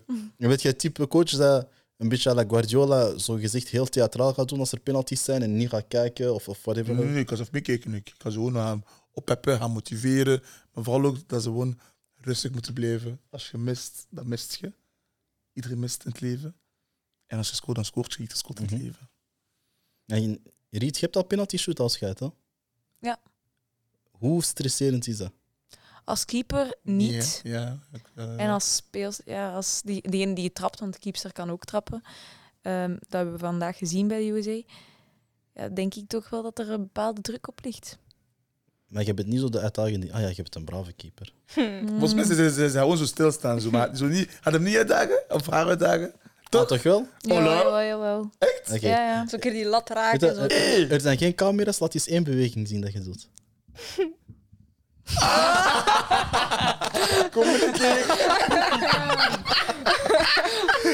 Ah, maar ik heb dat niet gezien, dat is dit. Ja, la, la, puree. Nice. Nee, maar... Maar afgelopen seizoen had ik er twee gepakt tijdens Hola. eh, de wedstrijd. Allee. Ja. Je hebt je ook zo dat gevoel gepakt en... Ja. Ja, hoe voel je? Ja, hoe Oh voelt ja, dat is echt schreeuwen. Ja. Eh. Ja. Dat is echt dat is een superleuk gevoel. Daar ga ik echt niet om liegen. Daar kijk ik echt van. Weet je dat? Misschien een, een, een, een vraag waar je diep moet gaan nadenken, maar wat is je Oei. allermooiste save? Laatste wedstrijd, eh play-off 1, Meriam Tuloba. Vrije trap uit de winkelaar gehaald. Allee, zo zo Miriam. Hm. Eh. Nog Ja. niet zo lang over nagedacht op zich, hè? Allee? Nou, Miriam is een beste echt. Gaat trappen. Oef. Wow, maar... Maar ze zegt ook uit de winkelaak, hè? Het winkelaar. Dus, ja. Miriam is niet zo goed, hè? Zij weet dat. Eh. Ga Pas haar op, niet hè. fout zetten. Hè? Pas op. Ga haar niet fout zetten. Pas op. Ah, maar ik heb, ik heb nog een uitje te pellen met haar. Pas op. Ik heb nog een uitje te pellen met haar, dus... Pas op. Veel meisjes kunnen wel haar leren, Pas op. geloof me. Van Miriam? Wat ze bij laat zien. Nou, kom op. Allee, jongen. Ja, ik kan dat ook op de training laten zien. du. Als je komt Je eruit, breekt je kom ik eigen op het benen. draaien. Sarah, Ja, jouw mooiste goal ooit? mijn mooiste goal. Ehm, oh, dat was op een heel speciale dag. Ehm, ja, ik ben een paar mensen verloren en ik had die dag een, eh, onder mijn shirt zo een, je weet wel, eh, dat er iets op staat Mhm. op je thermische. En ik speelde tegen een ploeg in Kortrijk. En ehm, we hebben daarvan gewonnen. En één goal eh, was de. Er was een diepe bal op mij. Keeper komt uit en trapt hem buiten. Ik pak snel de bal. Ik gooi in naar een medespeler. Die kaatst terug. En ik doe eigenlijk van juist naast de corner trap ik hem binnen over de keeper. Dus dat was een soort van ja. Ik weet niet of dat goed geluk was of, of de bedoeling, dat weet ik niet. Dat was de bedoeling. Maar, eh, Altijd Vertrouwen, zeggen. kom op. Altijd maar zeggen. gewoon, ja, die, die, dat ik mijn shirt omhoog liet en ik had geluk dat er een fotograaf stond die dat vast heeft gelegd. Maar dat was, ja, met de betekenis erbij was dat wel echt een van mijn mooiste... Klein beetje in tranen gebarst? eh, achteraf wel, Achteraf. na de match. In de match zit ik echt in de e- adrenaline. Aka. Maar eh, na de match wel, ja. Oké, ik ga jou een soort van omgekeerde vraag stellen. Als coach zijnde, Mm. jouw meest ongelukkige moment. Ongelukkig moment. Ja. En niet zeggen dat er geen zijn. Ah, ehm, ik heb een momentje gehad. Ja, bij een toernooi als, als uh, met afgelopen zomer. We hebben letterlijk alles gewonnen. Letterlijk alles gewonnen. Je weet, team wint alles. We bent te zweven. Nye, nye, nye, nye, nye. Mhm. En dan kwamen we in de halve finale in Genk tegen. Maar Henk heeft ons letterlijk weggespeeld. 8-1 of zo verloren. De finale, Halve finale. halve finale. Maar hoe dat ze aan het wenen waren, die kindjes, dat heeft mij geraakt. En ik kon niks zeggen, van, je hebt goed best gedaan. Nee, nee, ze waren slecht, ze waren beter. Alleen maar gewoon, dat- Ah. gewoon die emoties en dat, dat, dat heeft mij geraakt. Zelf een, klein, een klein traantje zelf? Ik? Oh. ik ga gewoon niet in mijn verlies. Meestal ik ga gewoon op mijn, allez, zo op, mijn- op mijn hurken zo. Even kijken, analyseren wat ging er fout. Wat kon ik gedaan hebben. En misschien de match anders zou doen laten lopen of zo. Allee, ik, dat is gewoon moeilijk om te zien, je, je petits die aan het wenen zijn. Je? Dat is, Had je nog een match daarachter? Of niet? Of was dan echt ah, nee, was, ja, nee, nee, daarna moesten we dan derde, vierde plaats spelen. Ja, ja. Oh, Hoe is dat verlopen? slecht, geen motivatie. En hoe zou je je spelers dan nog oppeppen daarvoor? Ik heb ook gezegd, eh, wat was dat? Eh, boys, nu zijn jullie vrij om te spelen. Let's go, enjoy. En dat is gelukt. We hebben gewonnen. Allee. Zou je het in de toekomst anders aanpakken? Nee, vaak als ik zie dat je die jongens niet meer onder, onder controle hebt, dan kun je geen instructies geven. Ik ga één, één, eh, één secret van mij geven, een secret. Mhm. Vaak spelen we mooi voetbal. Meer dan twee ben niet. Hè. Groot toernooi, klein toernooi, finale, niet finale. We kunnen pas scoren na drie of vier passen. Altijd. En vaak trainen ze dat niet omdat ze bang zijn van ja, maar dat kan moeilijk lopen. Maar kinderen zijn anders. Als een kind, als een kind vier keer achter elkaar een goede pas kan geven, gaan ze dat hele match doen. En dan is het mooi voetbal. En vertrouwen zit er direct in. Hè? Direct. Ze woont in een kind. Je voelt een klein, een klein dribbel. hè. Oh, Wauw. C'est fini. En dat kon hij niet doen. Je? en kinderen, zijn- dat is, dat is geweldig om te zien. Mhm. Dat is gewoon vertrouwen. En, en vaak als je ziet dat je gewoon die kind niet onder controle hebt, laat hem gewoon doen. Niet te Mm. veel opleggen. En dat lukt vaak dus. Ja, dat is goed. Eh, Riet, wat ging er mis bij de US? Of bij de VS dan, om het in het Nederlands te zeggen. Ik denk dat het tijd is voor een nieuwe generatie. Ja. Mhm. En misschien een beetje te arrogant. Dank u. Dank u. Dat wil ik Dat ze misschien met een Netflix-serie, want ze hebben een Netflix-serie dat erover zal, eh, Mhm. over zal gaan, dat ze daar misschien wat te veel over aan het nadenken waren. Ik weet het niet. Maar mm, ja, ze hebben mij echt niet overtuigd. Het is, het is precies zo wat gedaan met Amerika. Zo wat we aan het zweven, snap je? Zo, Ja. hè? Zo van, we zullen het hier wel even weer nog een keer Mhm. doen. Drie keer op rij, Ze hebben Maar- een goede gifle gekregen. denk ik ook wel. Nou, heeft dat echt iets te maken met arrogantie? Want ik, op zich, in het voetbal gegeven, dat is mijn persoonlijke mening, vind ik arrogantie niet zo erg. Zolang je doet wat je moet doen. Het is te zien. Ik vind wel dat je soms ergens een grens hebt. En ik denk dat zij daar nu zijn overgegaan, maar dat is ook alleen maar omdat ze hebben verloren. Dat is dan altijd makkelijker om te zeggen. Mhm. Dus dat is eigenlijk klap achteraf. Maar ja, het, is nu, het zijn wel de feiten, dus op zich kunnen we het wel zeggen. Maar ik denk dat de USA vorige jaren, ze waren natuurlijk top, hè, maar ik denk dat ze dit jaar gewoon verbaasd zijn van het niveau dat sommige landen hebben gehaald. Ehm, als je kijkt naar bijvoorbeeld de Japan, Ah. die, als ze die waren tegenkomen bijvoorbeeld in de vo- volgende ronde, gingen ze daar ook tegen botsen. Dus, Dus Ja. je hebt zoiets van, het is goed dat ze er nu al uit zijn. Ja, hey, maar, het dat is, dat is, n- allee, ik ga niet zeggen dat het goed is, of dat die moet eruit gaan of, of die. Maar ik denk dat ze wel even geconfronteerd zijn van kijk, we waren wel jarenlang degene die er bovenuit staken dan vorig jaar.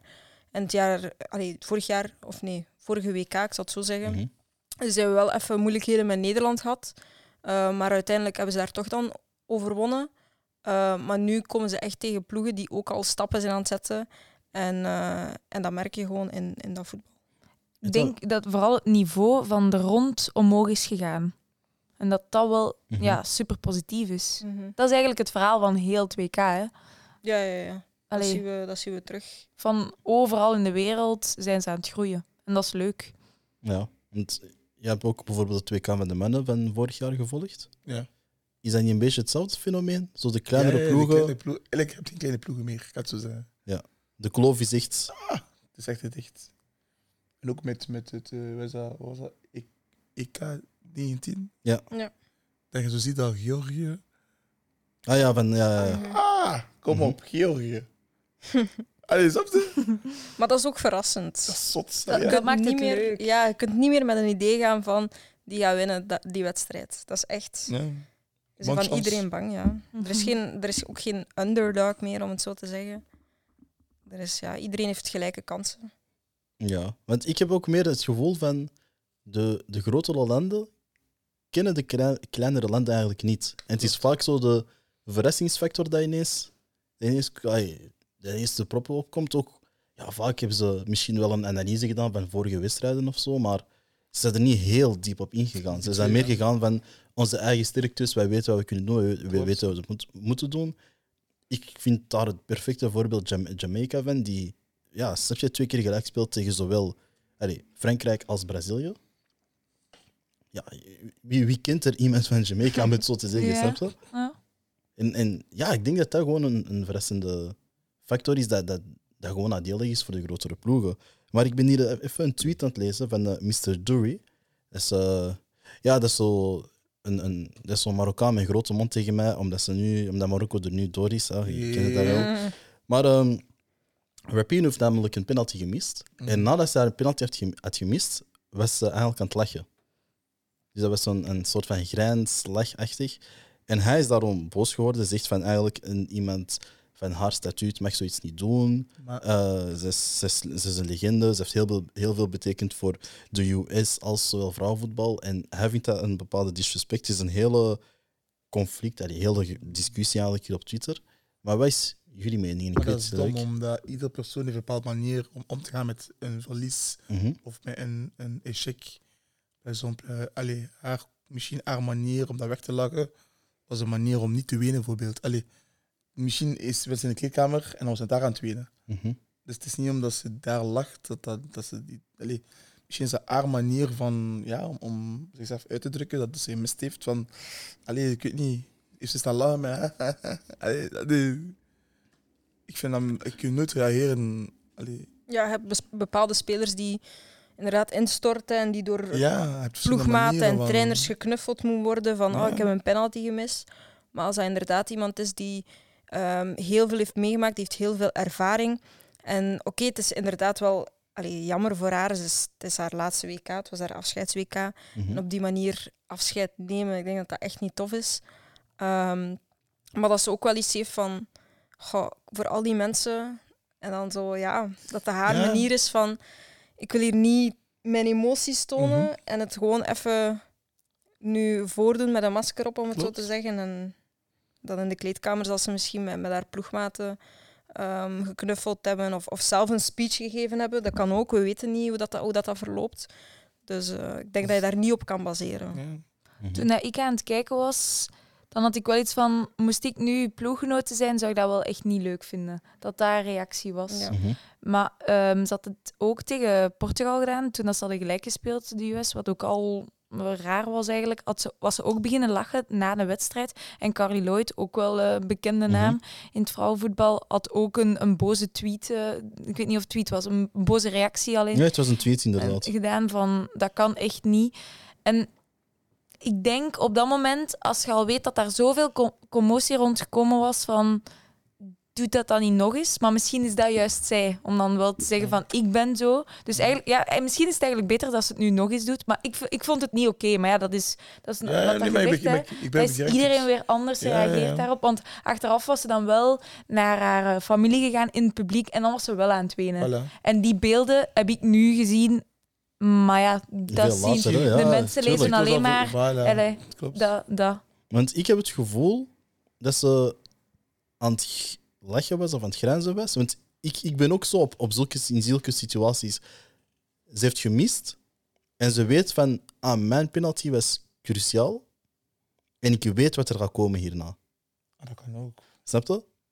Want ja, ik zeg het, hè, je hebt een, een, een, een heel groot statuut. Mhm. Je hebt heel veel betekend voor, voor zowel je land als het vrouwenvoetbal. Het is je laatste toernooi. Er is heel veel druk. Eh, Je hebt al heel veel allee, slechte notities gehad, hè, van je invalbeurten tot whatever dan ook, dat iedereen schreef. Mhm. En op dat moment mist je penalty. Ik denk dat dat niet enkel een gevolg is voor welk beeld geef ik aan mijn spelers, maar ook welk beeld geef ik aan de buitenkant, Ja. Ja. aan de buitenwereld. En voor haar is dat zo van, ah shit. Weet not again. Ja. En dat is zo van, oké, fuck it. Hahaha. Ja. Ja, ja, ik denk het. Nee, het is, het- want het zou ik, kunnen, ik, zou, hè. ik zou zo reageren. Het zou kunnen, hè? En, Ja, dat dat, ja, dat zeg zei maar. zij ook van. Allee, de voetbalwereld is zo mooi, maar terwijl ook zo vreed. Mhm. Ehm, en dat was ook wat zij dan. Allee, waarom dat ze dan lachte. Omdat ze zoiets van. ah ja, dat is het spelletje. Hè. Van, ze hebben mij liegen nu op dit moment. Ja, zo van, Ik- over. Ze zei van, dit is het scenario van een slechte film. Dat was Ja, wat ze ja. zei. Goed verwoord wel. Ja. Ja. Want je hebt niet enkel zij die, die als legende eigenlijk stopt. Je hebt een Sinclair van, van, van Canada, 40 jaar, die het helemaal, Nog, ja. die helemaal stopt. En je hebt dan ook van Brazilië, Marta. Maar dat zijn zo ja, drie legendarische... Oh, heb je haar speech gezien? Geweldig. Oh, Zot, hè? prachtig. Dus die kippenvel. emoties. Ah! Kippenvel. Prachtig. En ook nog na de wedstrijd met Shaw. Ook zo even een momentje dat ze met Mhm. hun twee waren. Ja. Echt, ik zou willen weten wat ze heeft gezegd, maar eigenlijk moet je het zo niet weten om te zien van... Ik geef die stok aan u over en doe, Mhm. doe het verder. Inspireer de kleine meisjes. Dat, je zag dat gewoon, eigenlijk. Uh, Ja, ik denk dat die foto echt legendarisch Ja, wordt. Jij weet wel, zo ja. met die... Dat, dat ik groei gaan ze we- op. En, eh, Later Ja. gaan we eh, zeggen van... Dat weten we nog. Ja, want ik, ik, ik heb zoiets van. Ja, man, dat, dat, dat laat- laten we zeggen, stel dat ik in de toekomst ooit of zo bondscoach word. En ik weet, ik heb een legendarische speelsters, whatever dan ook. Ik denk dat ik die op oudere leeftijd niet ga meenemen. Omdat ik dat niet wil, eh, niet wil aandoen. Eh. Snap je wat ik bedoel? Ja. Zo een, ja, pakt onze Rode Duivels, dat is helemaal hetzelfde. Van de people's world, hè. Sorry? Van de people's world. Stel je voor nu. je bent- Mike. Zijn de people's world, hè. Ja, ik weet het. Ik weet het, maar het ding is, ik, ik ben heel beschermend, ook gewoon van, van, vanuit mezelf. Ja. En als je kijkt bijvoorbeeld naar onze Rode Duivels, die zijn ook gewoon helemaal afgeschilderd. Je hebt nu hè, een taal die zijn gestopt. Maar het is ook op een heel slechte manier. Terwijl, Ja, ja, ja. terwijl iedereen dan vergeet van ah, in 2018 waren wij daar allemaal op de grote markt eh, voor de derde plaats aan het vieren en zo. Snap je? Mhm. Bijvoorbeeld, ik, ik heb een heel dom voorbeeld. Stel dat we eh, naar het, EK hè, je hebt een, het volgende toernooi is het EK. Mhm. Hè, de, Rode de Red Flames gaan er bijvoorbeeld terug. We waren al blij dat we uit de, groep, de groepsfase waren, van laatst. Maar nu gaan we waarschijnlijk meer verwachten. Het kan zijn dat, dat het voor, voor bepaalde, ik, ik denk een Kaiman en zo, en, en, en Van Avermaat en misschien Tessa, dat het een van hun laatste grote toernooien zal, zal, zal Dat is nog zijn. niet zo. Nu, nu, nu denk ik het. Ja, nee, je weet maar nooit, hoor. Je weet maar nooit. Maar Stel, stel, stel dat ze zeggen van ja, oké, dit is mijn laatste toernooi, ik stop ermee. Dan heb ik zoiets van, ja, hoe op de manier waarop je eruit gaat, maakt niet uit. Maar ik heb wel het ding dat ik je op een eervolle manier wil uitwuiven of zo.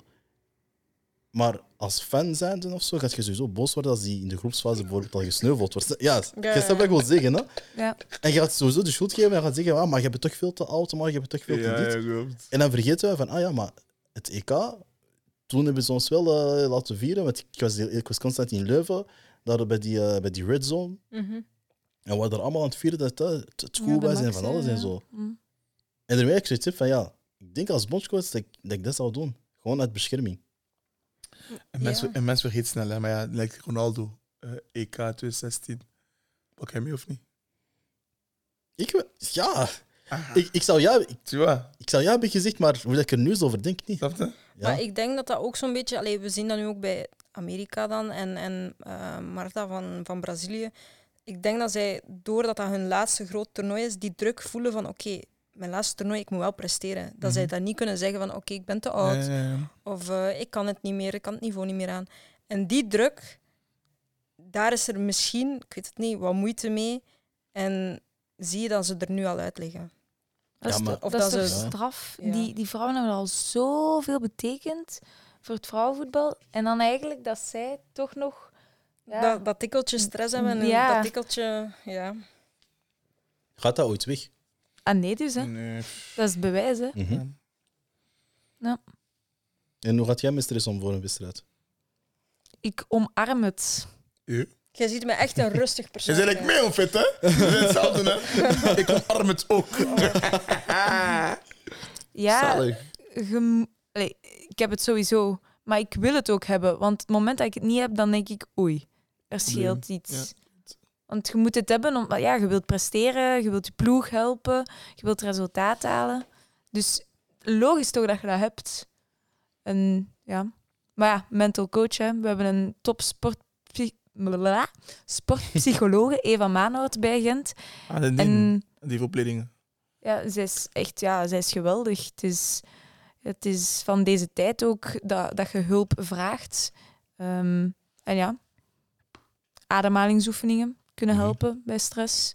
Dus nee, ja, ik vind, ik vind en het is deel, het is deel van, van de wedstrijd ook om, om met die druk te leren omgaan. En dat is niet altijd makkelijk, absoluut niet. Want er verwachten veel mensen van u, maar ik denk dat bij mij is dat ik het meeste van mezelf verwacht. Allee, snap je wat ik wil zeggen? Dat, Mhm, mhm. dat, dat ik mezelf die druk ook wel opleg. Eh, maar ja, stress is nodig. Je hebt wat jongere spelers, speelsters ook. Hoe zorg je ervoor dat je hen zo wat toch wel ontlast van die stress? Ik, ik geef vooral... ehm, ik geef ze eerst alle opties die mogelijk zijn op een veld. Dan ook twee, ik, ik, ik zeg meestal tegen hun eh, hoe dat bij mij voor was. Like bijvoorbeeld, vaak gaan ze op controle missen. En dan zeg ik tegen hun, mijn eerste controle is altijd slecht. Ik enige als best speler op het veld. Of bijvoorbeeld, ik ga veel praten bij hun van oké, het is nu niet gelukt, maar we gaan de tweede helft opnieuw proberen dat het wel zou lukken. Dus eigenlijk gewoon Praten, praten, praten. Sarah, Sarah kent dat. Ja. Praten, praten, praten, praten, praten. Op een bepaald moment gaat ze binnen Vliegen. vliegen. En, en eigenlijk gewoon praten met een speelster dus. Of spelers. Jij hebt een mental coach, hè? Ja? Ja. Vind je dat dat nu echt essentieel is in, in het voetbal? Eh, ja, eigenlijk wel. Maar ik vind het leuke eraan dat ze nu beseffen dat er niet iets nodig moet zijn met jezelf, dat je dat nodig hebt. Allee, Mhm. snap je? Je moet niet een, een trauma hebben opgelopen om hulp te gaan vragen. Nee, het is gewoon al preventief van, ja, om weer zo die extra procentjes te gaan zoeken. Ja, er is zo'n En- gezegde van we gaan jaarlijks één keer naar de dokter minimum, maar gaan we, dat is voor ons lichaam, maar gaan we eigenlijk ook één keer per jaar voor ons mentale, geestelijke ding. Dat, Hard. dat, dat doen we eigenlijk niet. Hè? Dus, Preach. Ja. En wat stuurt ons lichaam aan? ja, onze Preach. geest. J'aime bien. Ja. Dat is. ja, ik denk Dat dat bij, bij, bij vele speelsters, en misschien dat Marta en een, en een ehm, hoe noemt ze van Amerika? Ik ben, Rapino. Rapinho. ja, ik ben even haar naam kwijt. Misschien dat hebben gemist in hun Ja. opleiding. Ja, die hadden dat niet. Nee. Ja, dat kan wel. Misschien wel een latere fase, hè, maar Ja, wel, maar misschien in het ja. begin. dat is al wat te laat, hè. Dus toch onze leeftijd dat je dat Heb het daar nodig. Heb het nodig. Heb het nodig. Dat Ja. vertrouwen geeft. Ja. En, en- Heb het nodig. Veel hebben het nodig. Allee, ik, ik, Maar iedereen heeft dat toch nodig? ja, je, je ziet, allee, ik heb heel veel spelers of speelsters getraind. Op tv zien ze allemaal zo ah, zelfvertrouwend uit. En zo, hè? Borstvol uit, hè? Mhm. Maar één keer dat je die kent, dat je met hen traint, ja. snap je? En, en, en, en het is dat ik eigenlijk ook gemerkt heb dat... Allee, we, we, we verwachten heel veel van kleine kindjes. Maar als de profs dat ook al niet kunnen, dan kun je niet worden van kleine kindjes. En ik denk dat het mentale... Allee, de hebben dat zeker nodig. Zeker met jullie. Allee, je, je, je morgen een, een penalty missen, Sarah, of geen een, een save missen. ja, of zo'n blooper maken. Klanten gaan je opeten, hè? Ah ja, tuurlijk. Ja. En, en dat al kan iets met je mentale doen. Dus eigenlijk moet je daarop kunnen inspelen, anticiperen. Maar ik denk wel, dat dat bij ons als dames wel nog iets essentiëler is. Ehm, want wij, ja, wij leven, vaak leven niet van de voetbal. Ehm bij de mannen, ja, die moeten alleen maar aan voetbal denken. Zeker profvoetballers. Maar wij, ehm, wij doen nog heel veel erbuiten. We hebben vaak onze studies, gelijk jij, jij studeert. Ehm, Want jij studeert niet, hè? nee, maar ik bedoel, zij Ah, zij ook, studeert... hè? Ze studeert ja, heel hoog. dat ik het zeg, hè? Nee, maar ja. Ja, studeren is. Universiteit, Ja. ik zal het zo zeggen. Maar er kruipt daar veel tijd in. Ehm, vaak werken ook nog daarbuiten, familiale dingen. En wij als vrouwen gaan ja, minder de focus leggen op ik moet mijn lichaam voorbereiden voor een training of voor een wedstrijd, want ik heb nog andere dingen te doen. En moesten ze een keer kunnen praten met iemand daarover, ik denk dat dat heel veel zou helpen. Heel veel. Ja. ik sowieso. denk dat wel. Sowieso. Nee, het is interessant dat je het zegt. Ehm, binnenkort ook bij Coolcast gaan we een gesprek hebben met mental coach, dus ik ga het er allemaal wel bij nemen. Ja. Maar ja, ook omdat je dan, als je dan kijkt naar die figuren als hè, een, een Rapino, Marta, je ziet eigenlijk dat dat ook gewoon mensen zijn met karakter. Ja. Vanuit hunzelf. Van, uit een bepaalde geloofsovertuiging dat ze hadden van ja, het vrouwenvoetbal moet dit, het vrouwenvoetbal moet dat. Dat ze eigenlijk altijd met die ingesteldheid zijn gaan spelen. En het is terug, daarmee dat ik het zo jammer vind dat ze op zo'n manier een beetje worden uitgewuifd. En niet per se dat ze hebben verloren, maar het is meer de manier waarop de mensen reageren. En Marta natuurlijk, het geluk is dat ze directe interview, directe beelden, dus Ja. de negatieve commentaren waren iets minder. Maar een, een Rapino, met alle respect, voor mij vanaf dat je twee keer een wereldbeker wint, of drie, ik respecteer u. Mhm. Maakt niet uit wat, waar, hoe, op welke manier. Je hebt het meerdere keren gewonnen. Alle, alle respect, snap je? Maar niet, ook, al- allee, alleen, niet alleen dat, maar Ja, terug, ook, ook over de, de salarissen. hè. buiten- ja. De salarissen bijvoorbeeld. Heel, wat ze er buiten allemaal heeft gedaan voor het vrouwenvoetbal. Dus dat is, dat is voor mij een, een, een, een figuur dat. Ja, je, je, je mocht zeggen van oké, ze heeft slecht gespeeld of whatever, maar ga niet ineens haar beeld een beetje Mhm. allee, slecht zwart maken of zo. Mhm. Maar ja, ik vind dat gewoon jammer. Ja, we vind- vergeten snel, hè. Ja, ja, ja, ja, inderdaad. Ik vind het ook gewoon jammer dat, dat zij, dat zij snap je, Amerikaans is. Ze moest gewoon Belgisch zijn. Dan is dat veel makkelijker. nee. Maar ja, bij deze is er eh, de VS eruit. En eh, dat leidt tot, eventjes snel naar mijn notities gaan, toet, toet, toet. In de volgende ronde spelen Spanje en Nederland tegen elkaar. En Japan en Zweden. Mhm.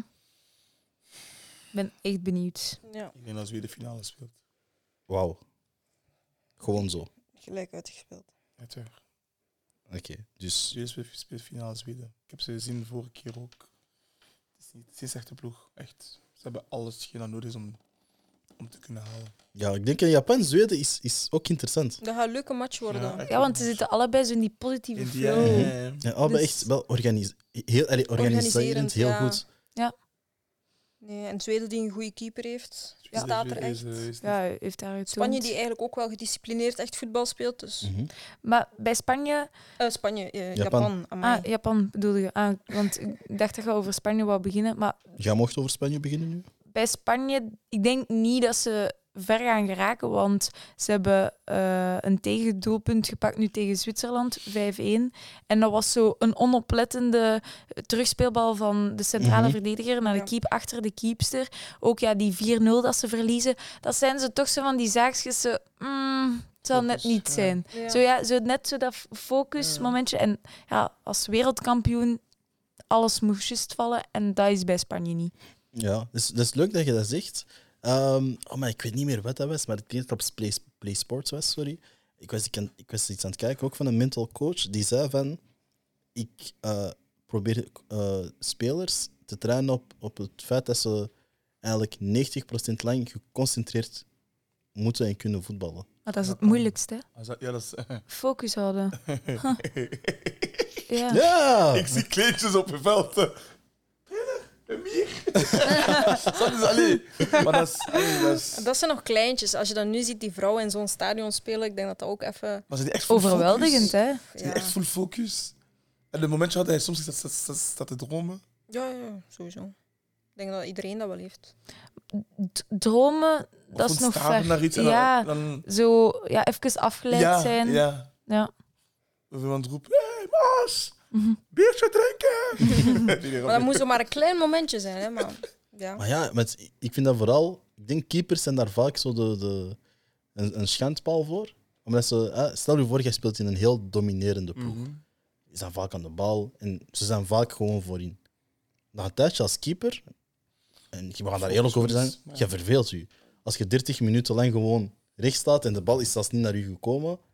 Maar dan is het wel dat ene moment dat ze ineens komen tegen aanvallen. En dan moet je er staan, En hè? voilà. En dan als je het binnenlaat, is het uw fout. Ah, ja, tuurlijk. En dat is Ja. toch een moeilijke taak. Ja. ja, die verantwoordelijkheid heb je wel. Maar dat was ook hè, wat ik u de vorige keer had gezegd, dat is door dan coaching, dat ik eigenlijk op dat moment mij nog in de wedstrijd hou, waardoor dat ik dan vergeet eigenlijk dat ik zo weinig heb gedaan. Dat ik dan eigenlijk op het moment dat ze er zijn, dat ik dan wel het gevoel ben van oké, ik ben klaar. Maar dat zijn, als je dan er kunt staan, dan zijt je een grote. Mhm. En ja, daar wil ik naartoe natuurlijk. Allee, dat zijn, dan moet je er staan. Hè. Dat is echt een hè.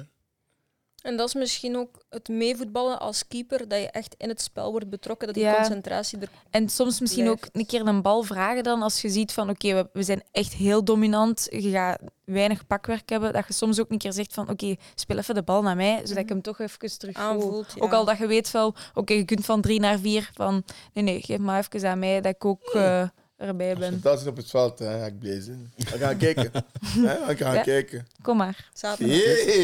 Je hebt er net iets ook, ook belangrijk gezegd. En, en dat was van dat je vaak ook wilt van dat. eh, stel dat je een speler hebt die op een bepaalde eh, technische manier speelt, dat je altijd wel iets hebt van ja, ik wil daarnaast wel iemand hebben die al zo speelt. Ja, sowieso. Die dat kan laten zien. En laatst ook zeggen van ja, je hebt eigenlijk een soort van opleiding gehad met Nicky Vraag, jij was dan tweede keeper ook. Mhm. Is dat ook niet een, een factor dat je veel heeft geholpen om te zijn wie je nu bent? Eh mijn Nikki mee te Ja. kunnen trainen. Ja, sowieso. Tuurlijk. Ja, ze is ja, de, de beste keepster van België, dus je leert daar automatisch van. Ehm, ook haar manier van omgang en ja, zeker haar voetspel, zeker haar linkervoet is gewoon top en ja, dat is leuk. Ook ja, dat, dat zijn misschien dingen waar, waar de mensen niet over nadenken, maar op keepertraining, uw medekeepster die trapt naar u. En als die bal niet goed is, dan traint je eigenlijk niet goed. Dus je Mhm. traptechniek, ja, die is super belangrijk. En bij ons twee daardoor wou ik ook dat die van mij heel goed was, zodat ik haar daarbij kon helpen, dat zij deftige ballen kreeg. En dan, ja, dan zijt je er weer, hè, hup, dan zijn elkaar weer naar een hoger niveau aan het aanbrengen. En ja, tuurlijk, Nicky Vraar, ze heeft een bepaald statuut. Ehm, ik kijk er naar op. Allee, ook gewoon hoe dat ze is. Ik, allee, ik vind haar echt een toffe. Dan, dat helpt ook nog allemaal om, om, er, ja, om er dingen van te willen leren. Mhm. Dus, Ja, interessant. En misschien bij jou, is dat niet ook waarom je zowel veld als zaal blijft spelen? Omdat je het hebt van mijn technische vaardigheid is al een beetje mijn troef, is het ding dat ik het beste kan eigenlijk. En ik wil het blijven doen. Je hebt bijvoorbeeld ook ja, deze zomer, om, als ik het mag zeggen, je hebt eh, internationaal gespeeld in Frankrijk. Als, als ik me niet vergis, je hebt uh, beach, beachvoetbal gespeeld. Beachvoetbal ook even, ja. En ook-. Tegen Brazilië hebben ze ook gespeeld, hè? Ja. Ja, maar dat is wat ik bedoel. Allee, ik bedoel, je bent, je bent zelfs in Brazilië geweest. Yay! Nationale voedsel. Ja, Maar- nee, inderdaad. Ehm, ja, ik ben natuurlijk voedsel begonnen gewoon omdat ik dat eigenlijk tof vind. De, ehm, techniek is mijn, mijn, een van mijn sterkste punten. Dus dat was leuk om dat op die manier uit te spelen. Maar ik denk ook dat ik gewoon door de voedsel echt veel heb geleerd van hoe kan ik in een kleine ruimte toch ruimte maken, zeg maar. Ja. Ehm, hoe kan ik mij ehm, niet alleen individueel laten uitspelen, iemand laten uitspelen, maar ook met eh, andere spelers ehm, ja, in een kleine ruimte kunnen combineren en, en vrijlopen. En, want natuurlijk op veld vrijlopen, allee, op een voetbalveld, is dat dan wat makkelijker, omdat er daar veel meer ruimte is. Veel meer ruimte in de rug. Terwijl dat in de zaal is het heel moeilijk om je vrij te spelen, want je staat al met, met tien op een veld. En dat veldje is niet groot. Dus als je zelf een actie wil maken, dan moet er al ruimte zijn. En hoe creëer je dat? Door een andere speelster ruimte te maken. En zo blijft daar altijd een manier van nadenken. En als er dan zo'n situatie voorkomt op veld, dan is dat wel handig om dat te gebruiken. Mhm. En is dat, is dat je altijd wel in je hoofd hebt zo? Ja? Want ik denk dat je wel een klik moet maken. eh, veld, zaal, veld, zaal. Ja, Ja. er zijn, er zijn kleine dingetjes in de zaal dat je ja, wat moeilijker op veld kunt doen. Bijvoorbeeld een zoolcontrole. Of als ja, geregend heeft, dan kun je moeilijk qua ehm, techniek toepassen of zolenwerk. En dan moet je wel een klik maken van oké, ik moet hier wel even simpeler voetbal spelen. Maar dan komt bijvoorbeeld ook weer dat korte tiki-taka-spel ehm, op kleine ruimte van pas. En die balcontrole van ondanks slechte weersomstandigheden dat kan je dan wel weer toepassen. Dus het heeft voor mij sowieso een voordeel gemaakt. Ja, als je op zo'n, eh we noemen het in het Antwerps, patattenveld moet spelen. Mm. Ja, dat is, dat is is een verschrikkelijk. nachtmerrie, ja. ja, dat is verschrikkelijk voor de als mij. Maar eh, ik ben blij op een hoger niveau in België dat je dat niet makkelijk meer tegenkomt Mhm. in vergelijking met vroeger. Ehm, maar ja, dan, dan is bijvoorbeeld het beachvoetbal wel een, allee, een voordeel voor mij geweest. Want ja, beachvoetbal kun je echt niet lopen met die bal. Of je moet al heel veel kracht hebben, heel veel controle.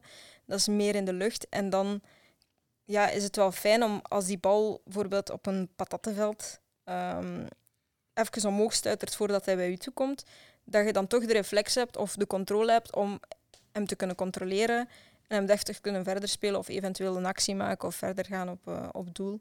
Dus ik denk elke variatie van voetbal heeft een voordeel op het veldvoetbal. Preach. Sterk, sterk. Heb ik een vraag naar jou toe. Tell me. Ehm, is het belangrijk voor een topsporter om, laten we zeggen, een andere sport te praktiseren om zich te specialiseren in het voetbalgegeven? ja, dat is waar. Het is belangrijk dat, dat een, eigenlijk ehm, ehm, de beste voetballers zijn de beste bewegers. Mhm. Wat wij leren nu aan de jeugd is dat ze niet enkel moeten voetballen, maar ook veel moeten gaan turnen. Dus kindjes die, goed zijn in, in wat multimove, dat kan zwemmen zijn, dat kan turnen zijn, dat kan tennissen zijn. Dat worden eigenlijk de beste voetballers, omdat hun lichaam is gewoon eigenlijk een speel, als je een speler op hoog niveau wilt hebben, moet eigenlijk zo compleet mogelijk worden. En dat kan enkel als je verschillende sporten uitoefent. Verschillende denkwijzen, verschi- allee, je brein op verschillende manieren activeren, je spieren op verschillende manieren activeren. Eh, dus, Als ik dan even terug mag kaatsen op mij, qua persoonlijk, allee, ik denk dat niet veel mensen dat weten van mij, maar ik ben bijvoorbeeld, ik heb karate gedaan. ja, ja, ja. Eh, ik ben, Je hebt ja, karate gedaan. Ik heb karate gedaan. Winnares, hè? Ik ben Belgisch kampioen karate. En je wordt altijd weggeduwd op het veld. Nee, nee, nee. nee, nee, nee, maar dat wil ik Oh. zeggen.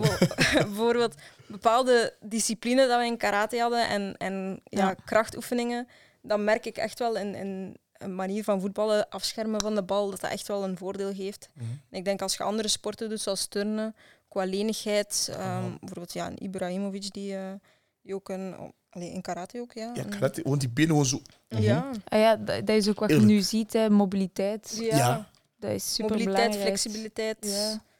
ehm, reactiesnelheid. Ja, bijvoorbeeld, ik heb nu een meisje in privé, die, eh hè, zo'n meisje Anderlecht, Louise van de Kerkhoven. Ze heeft atletiek gedaan. Kan een grote troef zijn. Kan echt Ja, loopscholing. manier van lopen, manier Dat is van niet ademhalen. normaal. Ja, dat is niet normaal. En dat is een plus. Dat zijn kleine dingetjes die het verschil gaan maken. Dus, eh, Dat is Ja, nee, ik, zeg het. Ik heb iemand, eh, eh, een speelster eigenlijk, die, ik, ja, ik speelde er altijd mee op school. Allee, zo studentenvoetbal eigenlijk een beetje. Mm. Mhm. En ze was totaal geen voetbalster, maar het was zo de regel, als we 11 tegen 11 spelen, moeten altijd twee vrouwen op het veld zijn, minimum. leuk initiatief wel. Ja, dat is echt chill. I like. En eh, Hm. ze was, we zitten altijd, altijd in de spits. Ze heeft atletiek gedaan, ze heeft daarvoor nooit gevoetbald of zo. Maar ze was gewoon snel, conditioneel goed. Ze, sterk, alles erop en eraan. En het was echt zo, soms gingen wij samen trainen in het park of eh, we huurden een veld of zo, om maar echt gewoon te leren voetballen. Een paas geven, hoe moet je je lichaam zetten, van alles. En vorig seizoen eh, had ik haar eigenlijk gewoon eens genomen van Witte. Eh, toen ik nog coach was van City Pirates, van eh, kom die even hier voetballen. En eh, ik heb haar letterlijk op alle posities gezet. En ik zie, ze heeft, ze heeft het altijd goed gedaan.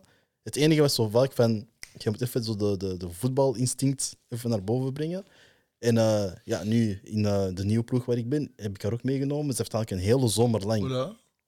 Ja, ze heeft heel zomer, zomer lang zitten trainen. En ik zeg u, ik heb daar niks op te zeggen, man. Nice. Dus, genre, Leuk. Ja, ja, ja, dat is, dat is, allee, ze heeft toch ook zelf zoiets van, ja, het is niet dat ik hier prof wil worden, maar ze, ze, ze vindt voetbal zo leuk dat ze zich gewoon is gaan ontwikkelen, heel vaak in het park gaan spelen. En wat zij nu doet, gewoon op oudere leeftijd, is ze constant met mannen gaan spelen. Maar echt, ja, like de big boys. Ja. Maar ze heeft zoiets van, ja, ik kan het fysiek aan tegen hun. Het is meer het voetballend vermogen dat, dat, dat zo wat hoger moet. Maar ja, nu de balcontroles, niks op aan te merken. Het technische, het is echt een beetje vanzelf aan het komen. Soms ineens een overstap en ik zoiets heb van, sinds wanneer kunt jij dat? Of- of- en het ding is, wat ik ook vaak merk, ja, juist mensen uit andere sporten hebben, zoals jij zeg- zegt, een helemaal andere denkwijze. En zij ziet helemaal andere patronen. Mhm. En omdat ze juist zo ook zo een beetje matuur en ouder is, kan- komt ze soms naar mij af van... eh, ja, maar eh, stel u voor, want ik zit daar nu zo vaak op de acht of zo. Dus eh, de meeste diegenen die het gaan infiltreren. Mhm. En zij zegt van... Ja, maar eh, ja, die ploeg heeft heel veel fysieke kracht en zo. Laat mij altijd vanuit, vanuit de zijkant naar binnen gaan. En ik vraag haar, oké, zegt jij mij waarom? Ja, want die komt altijd, ja, die komt altijd binnenlopen en dan zit ik altijd met twee man. Maar als ik naar de buitenkant ga, Ja. is er veel meer ruimte en dan kunnen wij een hele Heel uitleg. smart. En dan heb ik zoiets van, ah, oké. Mhm. En dan is ik, oké, Heel let's do it. Ja, ja. En dan na de wedstrijd vraag ik haar ook stil van, oké, maar hoe ben je daarop gekomen? Of, of hoe is dat ineens in je hoofd gekomen om, om dat te doen? Zegt ze, ah ja, maar ik heb ook ooit, ooit gebasket. En bij basket is dat vaak zo point guard, weet ik veel wat allemaal. Heb ik zoiets van, Ja. ah ja. En ik ga niet liegen, sindsdien kijk ik vaak ook naar andere sporten. En dat is, dat is mede door Brian ook. Dat we is, is, is naar een NFL kunnen kijken of naar een, naar een Mm. NBA. Waar je eigenlijk verschillende tactieken ziet die eigenlijk ook in elitevoetbal worden, worden, worden meegenomen. Dat heel toepasbaar zijn. Slim. Andere insteek Ja, ook. Hè. ja. Mhm. Ja. Niet alleen van insteek van andere landen dat we nu zien, maar ook van andere sporten. Andere sporten, natuurlijk. Maar like, zo die, eh, die mensen die met zo'n bal lopen, zo. Ja, ja. Zo, eh, zo van richting veranderen, zo. Ja, ja, ja. American football. Ja, ik denk het. ja, het is dat, NFL. Je ziet nu dat heel veel trainers hun, kind- hun, hun spelers of spelers zo opleiden. Weet je, die oefeningen dat vaak doen, directieoefeningen zo. Nee, vergeten? Ja, en, ja. Het is Heel zwaar aan het liegen. Ja, We amai. doen zo vaak een reactieoefening. Dat je eigenlijk moet, moet kunnen bodyfeinten. Ah, ja, ja. Maar zo die... ehm, Het is echt aan het liegen. Het is echt gewoon aan het liegen. Jij weet dat niet. nee, maar bodyfeinten, dat wordt ook ge- gedaan bij mensen die rugby spelen. Mhm, Ze moeten echt een man kunnen gaan uitschakelen door te gaan bodyfeinten. mhm. En voetbal doet dat nu ook continu. En, en daarmee soms kijk ik ook naar eh, vooral co- coördinatieoefeningen, explosiviteit naar die mensen van Amerika. Die zijn echt zot. En daar gewoon toepassen in voetbal. En, Maar dat begint heel klein met zo van die leuke spelletjes. Je weet wel, zo dat hesje dat je van achter in je broek moest steken. Ja, Zo die en op- dingetjes. dan heb je dat zo niet door eigenlijk, Ja, op dat je dat dat trainen bent. Ja. En dat zijn ja, de beste oefeningen. denk ik. Ja, want zelfs op mijn trainingen, ik, geef, ik heb altijd zo ergens in de maand dat ik gewoon een rugbytraining geef. Letterlijk echt rugby. Oh. Het ding, de regel bij rugby is, je mag niet vooruit passen. Enkel aan de zijkant of achteruit passen. Dus eigenlijk moet je op die manier vooruit gaan. En dat is zo vaak het ding van, oké, nu moeten we op een verschillende manier, op, op verschillende manieren gaan aanvallen. En net Ja. zoals in elke sport heb je andere looplijnen, andere manieren van denken. En dat is dan ja, een hele rugbytraining, de training erop, Heel- helemaal hetzelfde, maar nu in het voetbal. En ik zo van, oké, we hebben rugby gedaan, oké, eh, nu vandaag helemaal dezelfde regels, je mocht niet, achteruit, eh, je mocht niet vooruit passen, enkel achteruit. En dan is terug, wat- je weet bij de jeugd of, of bij de jongeren is het vaak van, ze spelen vaak op een hoop, ze moeten de ruimte zoeken. Als je enkel achteruit moet passen, moet je heel het veld gebruiken, want in een hoop, de bal wordt altijd afgepakt, hè, van Mhm. alles. Ja, ja, ja. En, en zelfs, ja, zelfs bij de corners, ik gebruik NFL, NFL, NFL-zaken zien van bij de NFL gooien ze zo in en iedereen, en sommigen moeten die zo opheffen. Mhm. Maar ze hebben zo allemaal verschillende manieren daarvan. En wat ik zo heel vaak doe, is zo zorgen voor chaos. Georganiseerde Vrij Ja, ja, chaos. georganiseerde chaos. Vrij gewoon. coach. Ja. En Ja, ja, ja. de tegenstander heeft vaak niet door. Want ik, laat, ik, ik liet bijvoorbeeld de langste, de langste van mij trappen, de corners. En Oké, Ze zegt er dat, vaak van- dat zie je inderdaad wel niet vaak. ja, maar dat is, dat is één van de varianten, snap je? Oké. Hey. Ja, tuurlijk. En de reden waarom was, als ze, als ze zien dat de langste trapt, de, de ploeg gaat zich focussen op, ah ja, de lange is weg, we gaan de volgende lange nemen. Maar eigenlijk de kortste, of, een van de korte, zitten ze er ook in, maar ik stuur ze allemaal zo naar de eerste paal of zo. Mhm. En die weet ook van, ja, de corner die je moet trappen, moet heel hard richting eerste paal. Dank u. Daar zorg je voor de chaos. Maar ja, de, de kleintjes die wat sneller zijn, zitten eigenlijk juist erbuiten. Dus het hangt er vanaf welke richting het daarna opgaat. En dan vaak, Ja. laten we zeggen, we hebben dat misschien in een, het was een wedstrijd dat we, ja, het was overdreven, met 9-1 hadden gewonnen. Maar in die wedstrijd hadden we op, op stilstaande fases vier keer gescoord. Mhm. Waar ik zoiets heb van, ah ja, ze beginnen te leren. En het was vier keer echt letterlijk op dezelfde manier. Waardoor ik zoiets heb van, ja, andere sporten hebben echt wel een bepaalde invloed.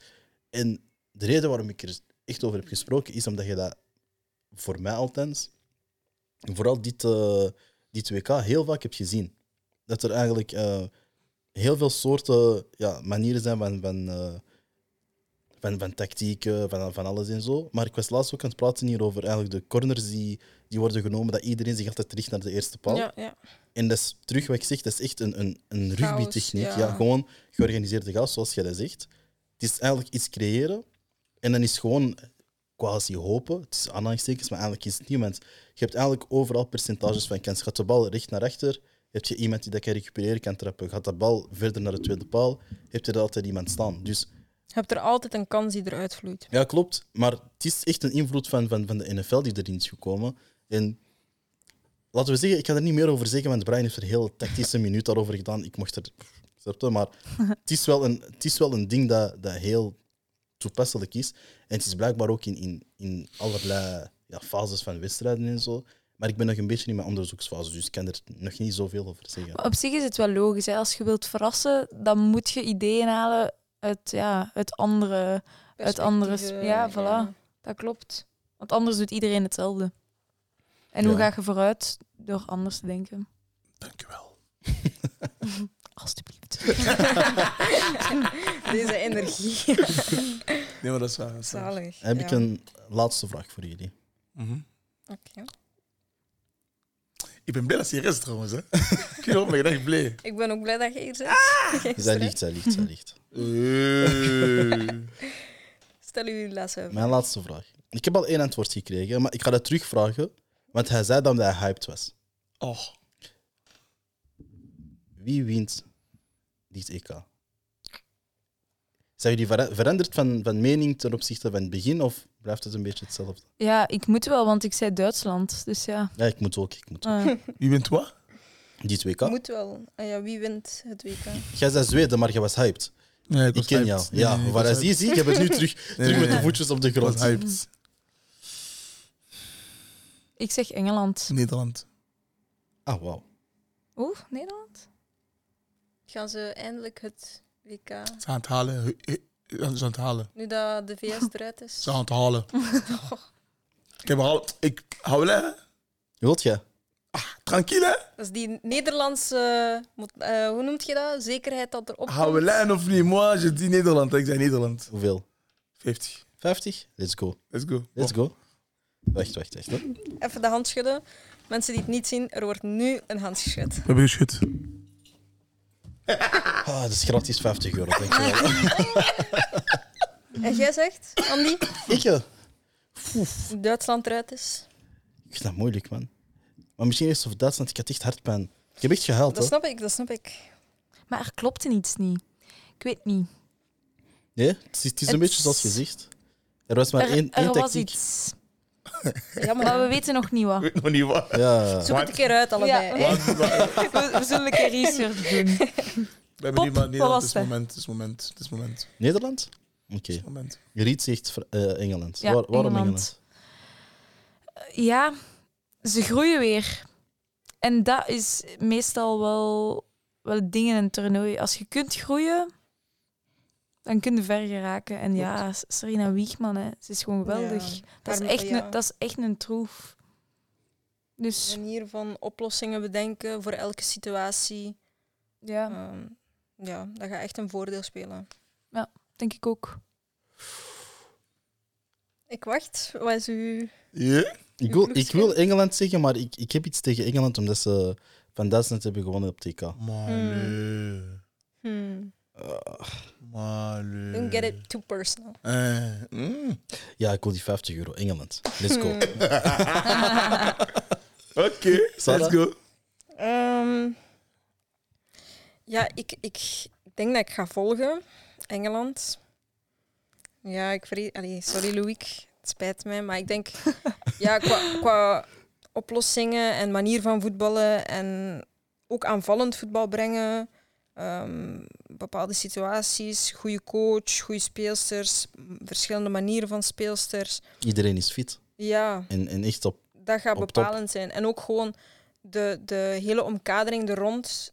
We hebben daarover gesproken, als die er is, dat er, dat er dan een, een reflectie is van als dat er is, ja, kunnen stappen maken en kunnen zij die kleine dingetjes gebruiken dat verschil maakt. Ja, want zij denken echt wel aan de details. Hè. Mhm. Ja. Bij Engeland. Dat, allee, het is eh, bijvoorbeeld, die krijgen elke dag een smoothie op basis van hun eh, menstruatiecyclus. Oh, Ik weet nu niet of dat, dat in het toernooi is, maar ja, dat, is- Dat zijn echt kleine, kleine, Dat- kleine ja, details. dat is Oh, echt... Die denken al verder. Allee, ja. Die doen eigenlijk al dingen waar dan mensen eigenlijk nog niet aan denken. Dat is het eigenlijk. Ja. Zalig. En maar ze zijn al ver. Het grappigste Dus is, is ik ben, ja, omdat ik coach ben van een vrouwenploeg, ik ben daar ook mee bezig, maar ik, ik ga eerlijk zijn, ik heb daar zelfs nooit aan gedacht. Allee, aan, aan, aan bepaalde Maar zaken binnen een In missie. België zijn we daar nog niet aan. Ja, Want dat is, dat is al een stap te ver. Je moet eerst, de basis moet goed zijn en dan kun je pas aan de Ik details weet gaan wel, bij, werken. bij maar- Club was er wel een menstruatiecoach. Maar ik, ja, ik weet niet of dat er daar echt veel gebruik van is gemaakt. En ja, op Ja. de juiste manier. En Ja, dat weet ik ook niet. Of dat er Misschien, echt- ja, jullie zijn twee ja, sporters. Wat wordt er eigenlijk verwacht binnen, binnen dat? Allee, het hele menstruatiegedoe dat moet gebeuren. Ja, daar wordt nog geen rekening mee gehouden, omdat op zich is er daar ook echt nog weinig onderzoek naar gedaan. Omdat ja, de meeste sportonderzoeken, dat is gebaseerd op het mannelijk lichaam. Mhm. En nu pas bedenken ze van, ah ja, we moeten misschien ook wel eens onze studies gaan uitvoeren op het vrouwelijk lichaam. Mhm. Dus we staan daar echt wel ja, nog achter. En daardoor denk ik ook dat dat allemaal wat moeilijker is. Maar dat was dat- iets, ik, had- ik had iets kleins gelezen, een artikel ehm, over de voetbalschoen. Dus ehm, we weten als, dat er bij voetbalschoenen vaak alleen het mannelijk model bestaat. Ehm, en wij vrouwen ja, pakken dat mannelijk model omdat er geen ander is. En omdat vrouwelijk voet iets anders is aan de hiel, denk ik iets breder of juist iets smaller aan de enkel, zit dat niet perfect en kunnen wij niet lopen. Of Met die toppen eigenlijk zo rond. Ja, het is, Ja. het is iets heel... Freddy had het ook zo Ja, helemaal. Ja, vorige en ehm, nu is Nike afgekomen met wel een vrouwelijk schoen. En ja, dat zou het gevolg dat de vrouwen min, allee, minder kruisbandblessures zouden hebben moeten voorkomen. Of ja, meer Dat is kruisbandblessures waar, nee, dat moeten is waar, dat is voorkomen. Dus als dat er al is en dan bijvoorbeeld rekening worden gehouden met vrouwelijk lichaam en zeker de periode van menstruatie, ik denk dat we als vrouw wel kunnen meespreken dat dat een periode is dat niet zo tof is ehm, voor ons lichaam. En als dat dan in de sport ja, goed wordt onderhouden, Mhm. dan eh, gaan daar wel verschillen van gemaakt worden. Allee. Ik wil jullie drie bedanken. Want, eh, Dank u. Nee, vooral hun, hè. Want wie de change, hè. Echt. dat is waar. Maar ervoor zorgen... Stuur me je podcast door. En allemaal eh, luisteren. promoten. Kijk goed, kijk goed. Sarah kent me, we gaan promoten direct. Ja, ja, ja. Ja, dat is waar. Dat is, dat is echt een... eh, Hey, Oké, oké. Maar, eh, Yes, Loïc? Voordat we afsluiten, waar kunnen de luisteraars jou terugvinden? In hoe? Instagram, je suis Loki. Of TikTok, je suis Loki93. Dat is al. Dus niks, niks, gaat je er niks bij zeggen? Het is het moment, hè? Ah, Ja, de spot is aan kun je mij vinden? Ah, Instagram of TikTok. Hè? Op de velden kunt je u vinden. Voetbalveld. Ja, oh. Aan alle luisteraars. Eh, mijn naam is Loïc Kisose Masunga. Trainer bij Zutwaregem. Eh teamcoach daar. Maar ik doe ook in privé trainingen. Dus als je ooit beter wenst te worden, zoals dat de dames hier zeiden, als je wilt verder ontwikkelen, wilt groeien, wilt ontplooien, ben je welkom. En ik kan u verzekeren, het zijn goede trainingen. Hey. Ja, ja. Amai, amai, die Jullie hebben net een mislukte handshake gezien. Ja, Was wel een geen beetje camera's zwaar. zijn. Sarah, waar kunnen de mensen jou terugvinden? Mensen kunnen mij terugvinden ehm, ook op Instagram. Ehm, mijn naam gewoon sarah.bakar. Maar ik heb ook een eh, fotografie-account. Ehm, ik ben zeer geïnteresseerd in foto's. En, Zeer sterk. Ehm, ja, b.sarah fotografie. Allee, photography in het Engels. Dus eh, ja, daar. Ze is enorm sterk. Je moet dat niet fluisteren. Leuk. Riet, Oké. your turn. Let's go. Leuk. Ehm, ja, mezelf kan je ook terugvinden op eh, Instagram, Riet Maas. En dan in de Chillax Arena, de K-Agent Ladies. eh, vanaf 25 augustus beginnen we te gaan aan de competitie. Dus ik zou zeggen, alle supporters eh, op post. Alleen maar de blauw-witte supporters. Nee, nee. Ook de neutrale supporters. hoe, hoe meer volk, hoe beter. Nee. Ehm, en dan natuurlijk ja, de, de podcast Buiten de Lijnen. Zoals ik daarnet al zei, op YouTube, Instagram en Spotify. Ehm, dus ja, zeker luisteren. En ik hoop dat we met ons eh, vrouwelijk enthousiasme ook wel eh, iedereen hebben kunnen warm maken om het vrouwenvoetbal meer en meer te gaan volgen. Ehm, en ook ja, daarom dank u, Andy, dat, Ja, dank je, Andy. dat we de, Dat we de kans zijn. krijgen, ja, de kans krijgen om eh, daarover te kunnen praten. Want eh, dit heeft de wereld nodig. Klopt. Ja, sowieso. Maar kijk, ik heb, eh, ik zeg het, ik ben, ik heb een voorliefde voor vrouwenvoetbal. En het is meer vanuit de Red Flames gekomen. Zo de eerste keer dat ik hun heb gezien, had ik ineens zo'n coup de cœur. En de eerste keer denk ik dat ik ze heb gezien, dat was een thuiswedstrijd. Dat was echt live zo. Ah, maar dat was tegen Kosovo, denk ik. Ik weet niet, hadden mij iets van een 8-1 of zo, of 8-0. Ik weet het niet meer gewonnen, maar... Hey, snelle anekdote voor het afsluiten. Yassina Blom kwam erin. Ze kwam invallen. Mhm. En eh Tessa had al zo vaak gescoord en zo. Maar zo, Yassina Blom kwam in de, laatste ja. 20 minuten. Ja, ja. En ze heeft zo twee keer gescoord, maar zo echt twee poeiers. En ik zeg dat, ik had zo van, nou. Ja. Dat was de vonk. Ja, ja, ja. Ja, emotie. Daar is, want ik volgde het heel af en toe, maar het was zo. ah, en Ja. ik volgde enkel de Arsenal. En dat heeft u Vrouwenteam. hard gepakt. Ja, ik volgde de Arsenal vrouwteam omdat ik Arsenal fan ben. Mhm. Voor de rest, dat boeide mij niet. Maar toen ik dat had gezien, ik was van ja. En dan dat ik zo Blom opzoeken, ik zeg Tenerife. Mhm. Dan zie ik zo Toloba, dan zie ik zo de hond, zie ik zo de Tessa, eh, de Kenny, allemaal. En dat was zo van, ah, eigenlijk. Snap je? En zo ben ik zo in die hele baan gesprongen. Ja. Maar eh, nee man, vrouwenvoetbal sowieso, jullie kennen mij. Maar uh, Word bondcoach. Word, word bondcoach. bondscoach, nee, nee, daar gaan we nog op wachten. Ik, ben daar, eh, ik moet eerst ervaring op doen. Jee. Ja, tuurlijk. Stap per stap. Stap per stap altijd. Jee. We doen het rustig aan. Maar eh, la- beste luisteraars, bedankt om te luisteren. Thanks. Bedankt Dank voor alles. eh, jullie weten. Sowieso, eh, we komen woensdag voor jullie dan terug. eh, met de vier overige wedstrijden. Met waarschijnlijk nieuwe kist, nieuwe dingen. En eh, deel dit met jullie familieleden, met jullie alles. Trouwens, ah ja, Tessa moest, ik moest Tessa, van Tessa zeggen, gefeliciteerd aan iedereen dat altijd langskomt, want zij vindt dat keihard. Is keihard. Dankjewel. Hij is keihard. Tessa. Is keihard. Jij bent keihard. Dus eh, bij deze gaan we het afsluiten en eh, merci voor alles. Doei. Joe. Ciao.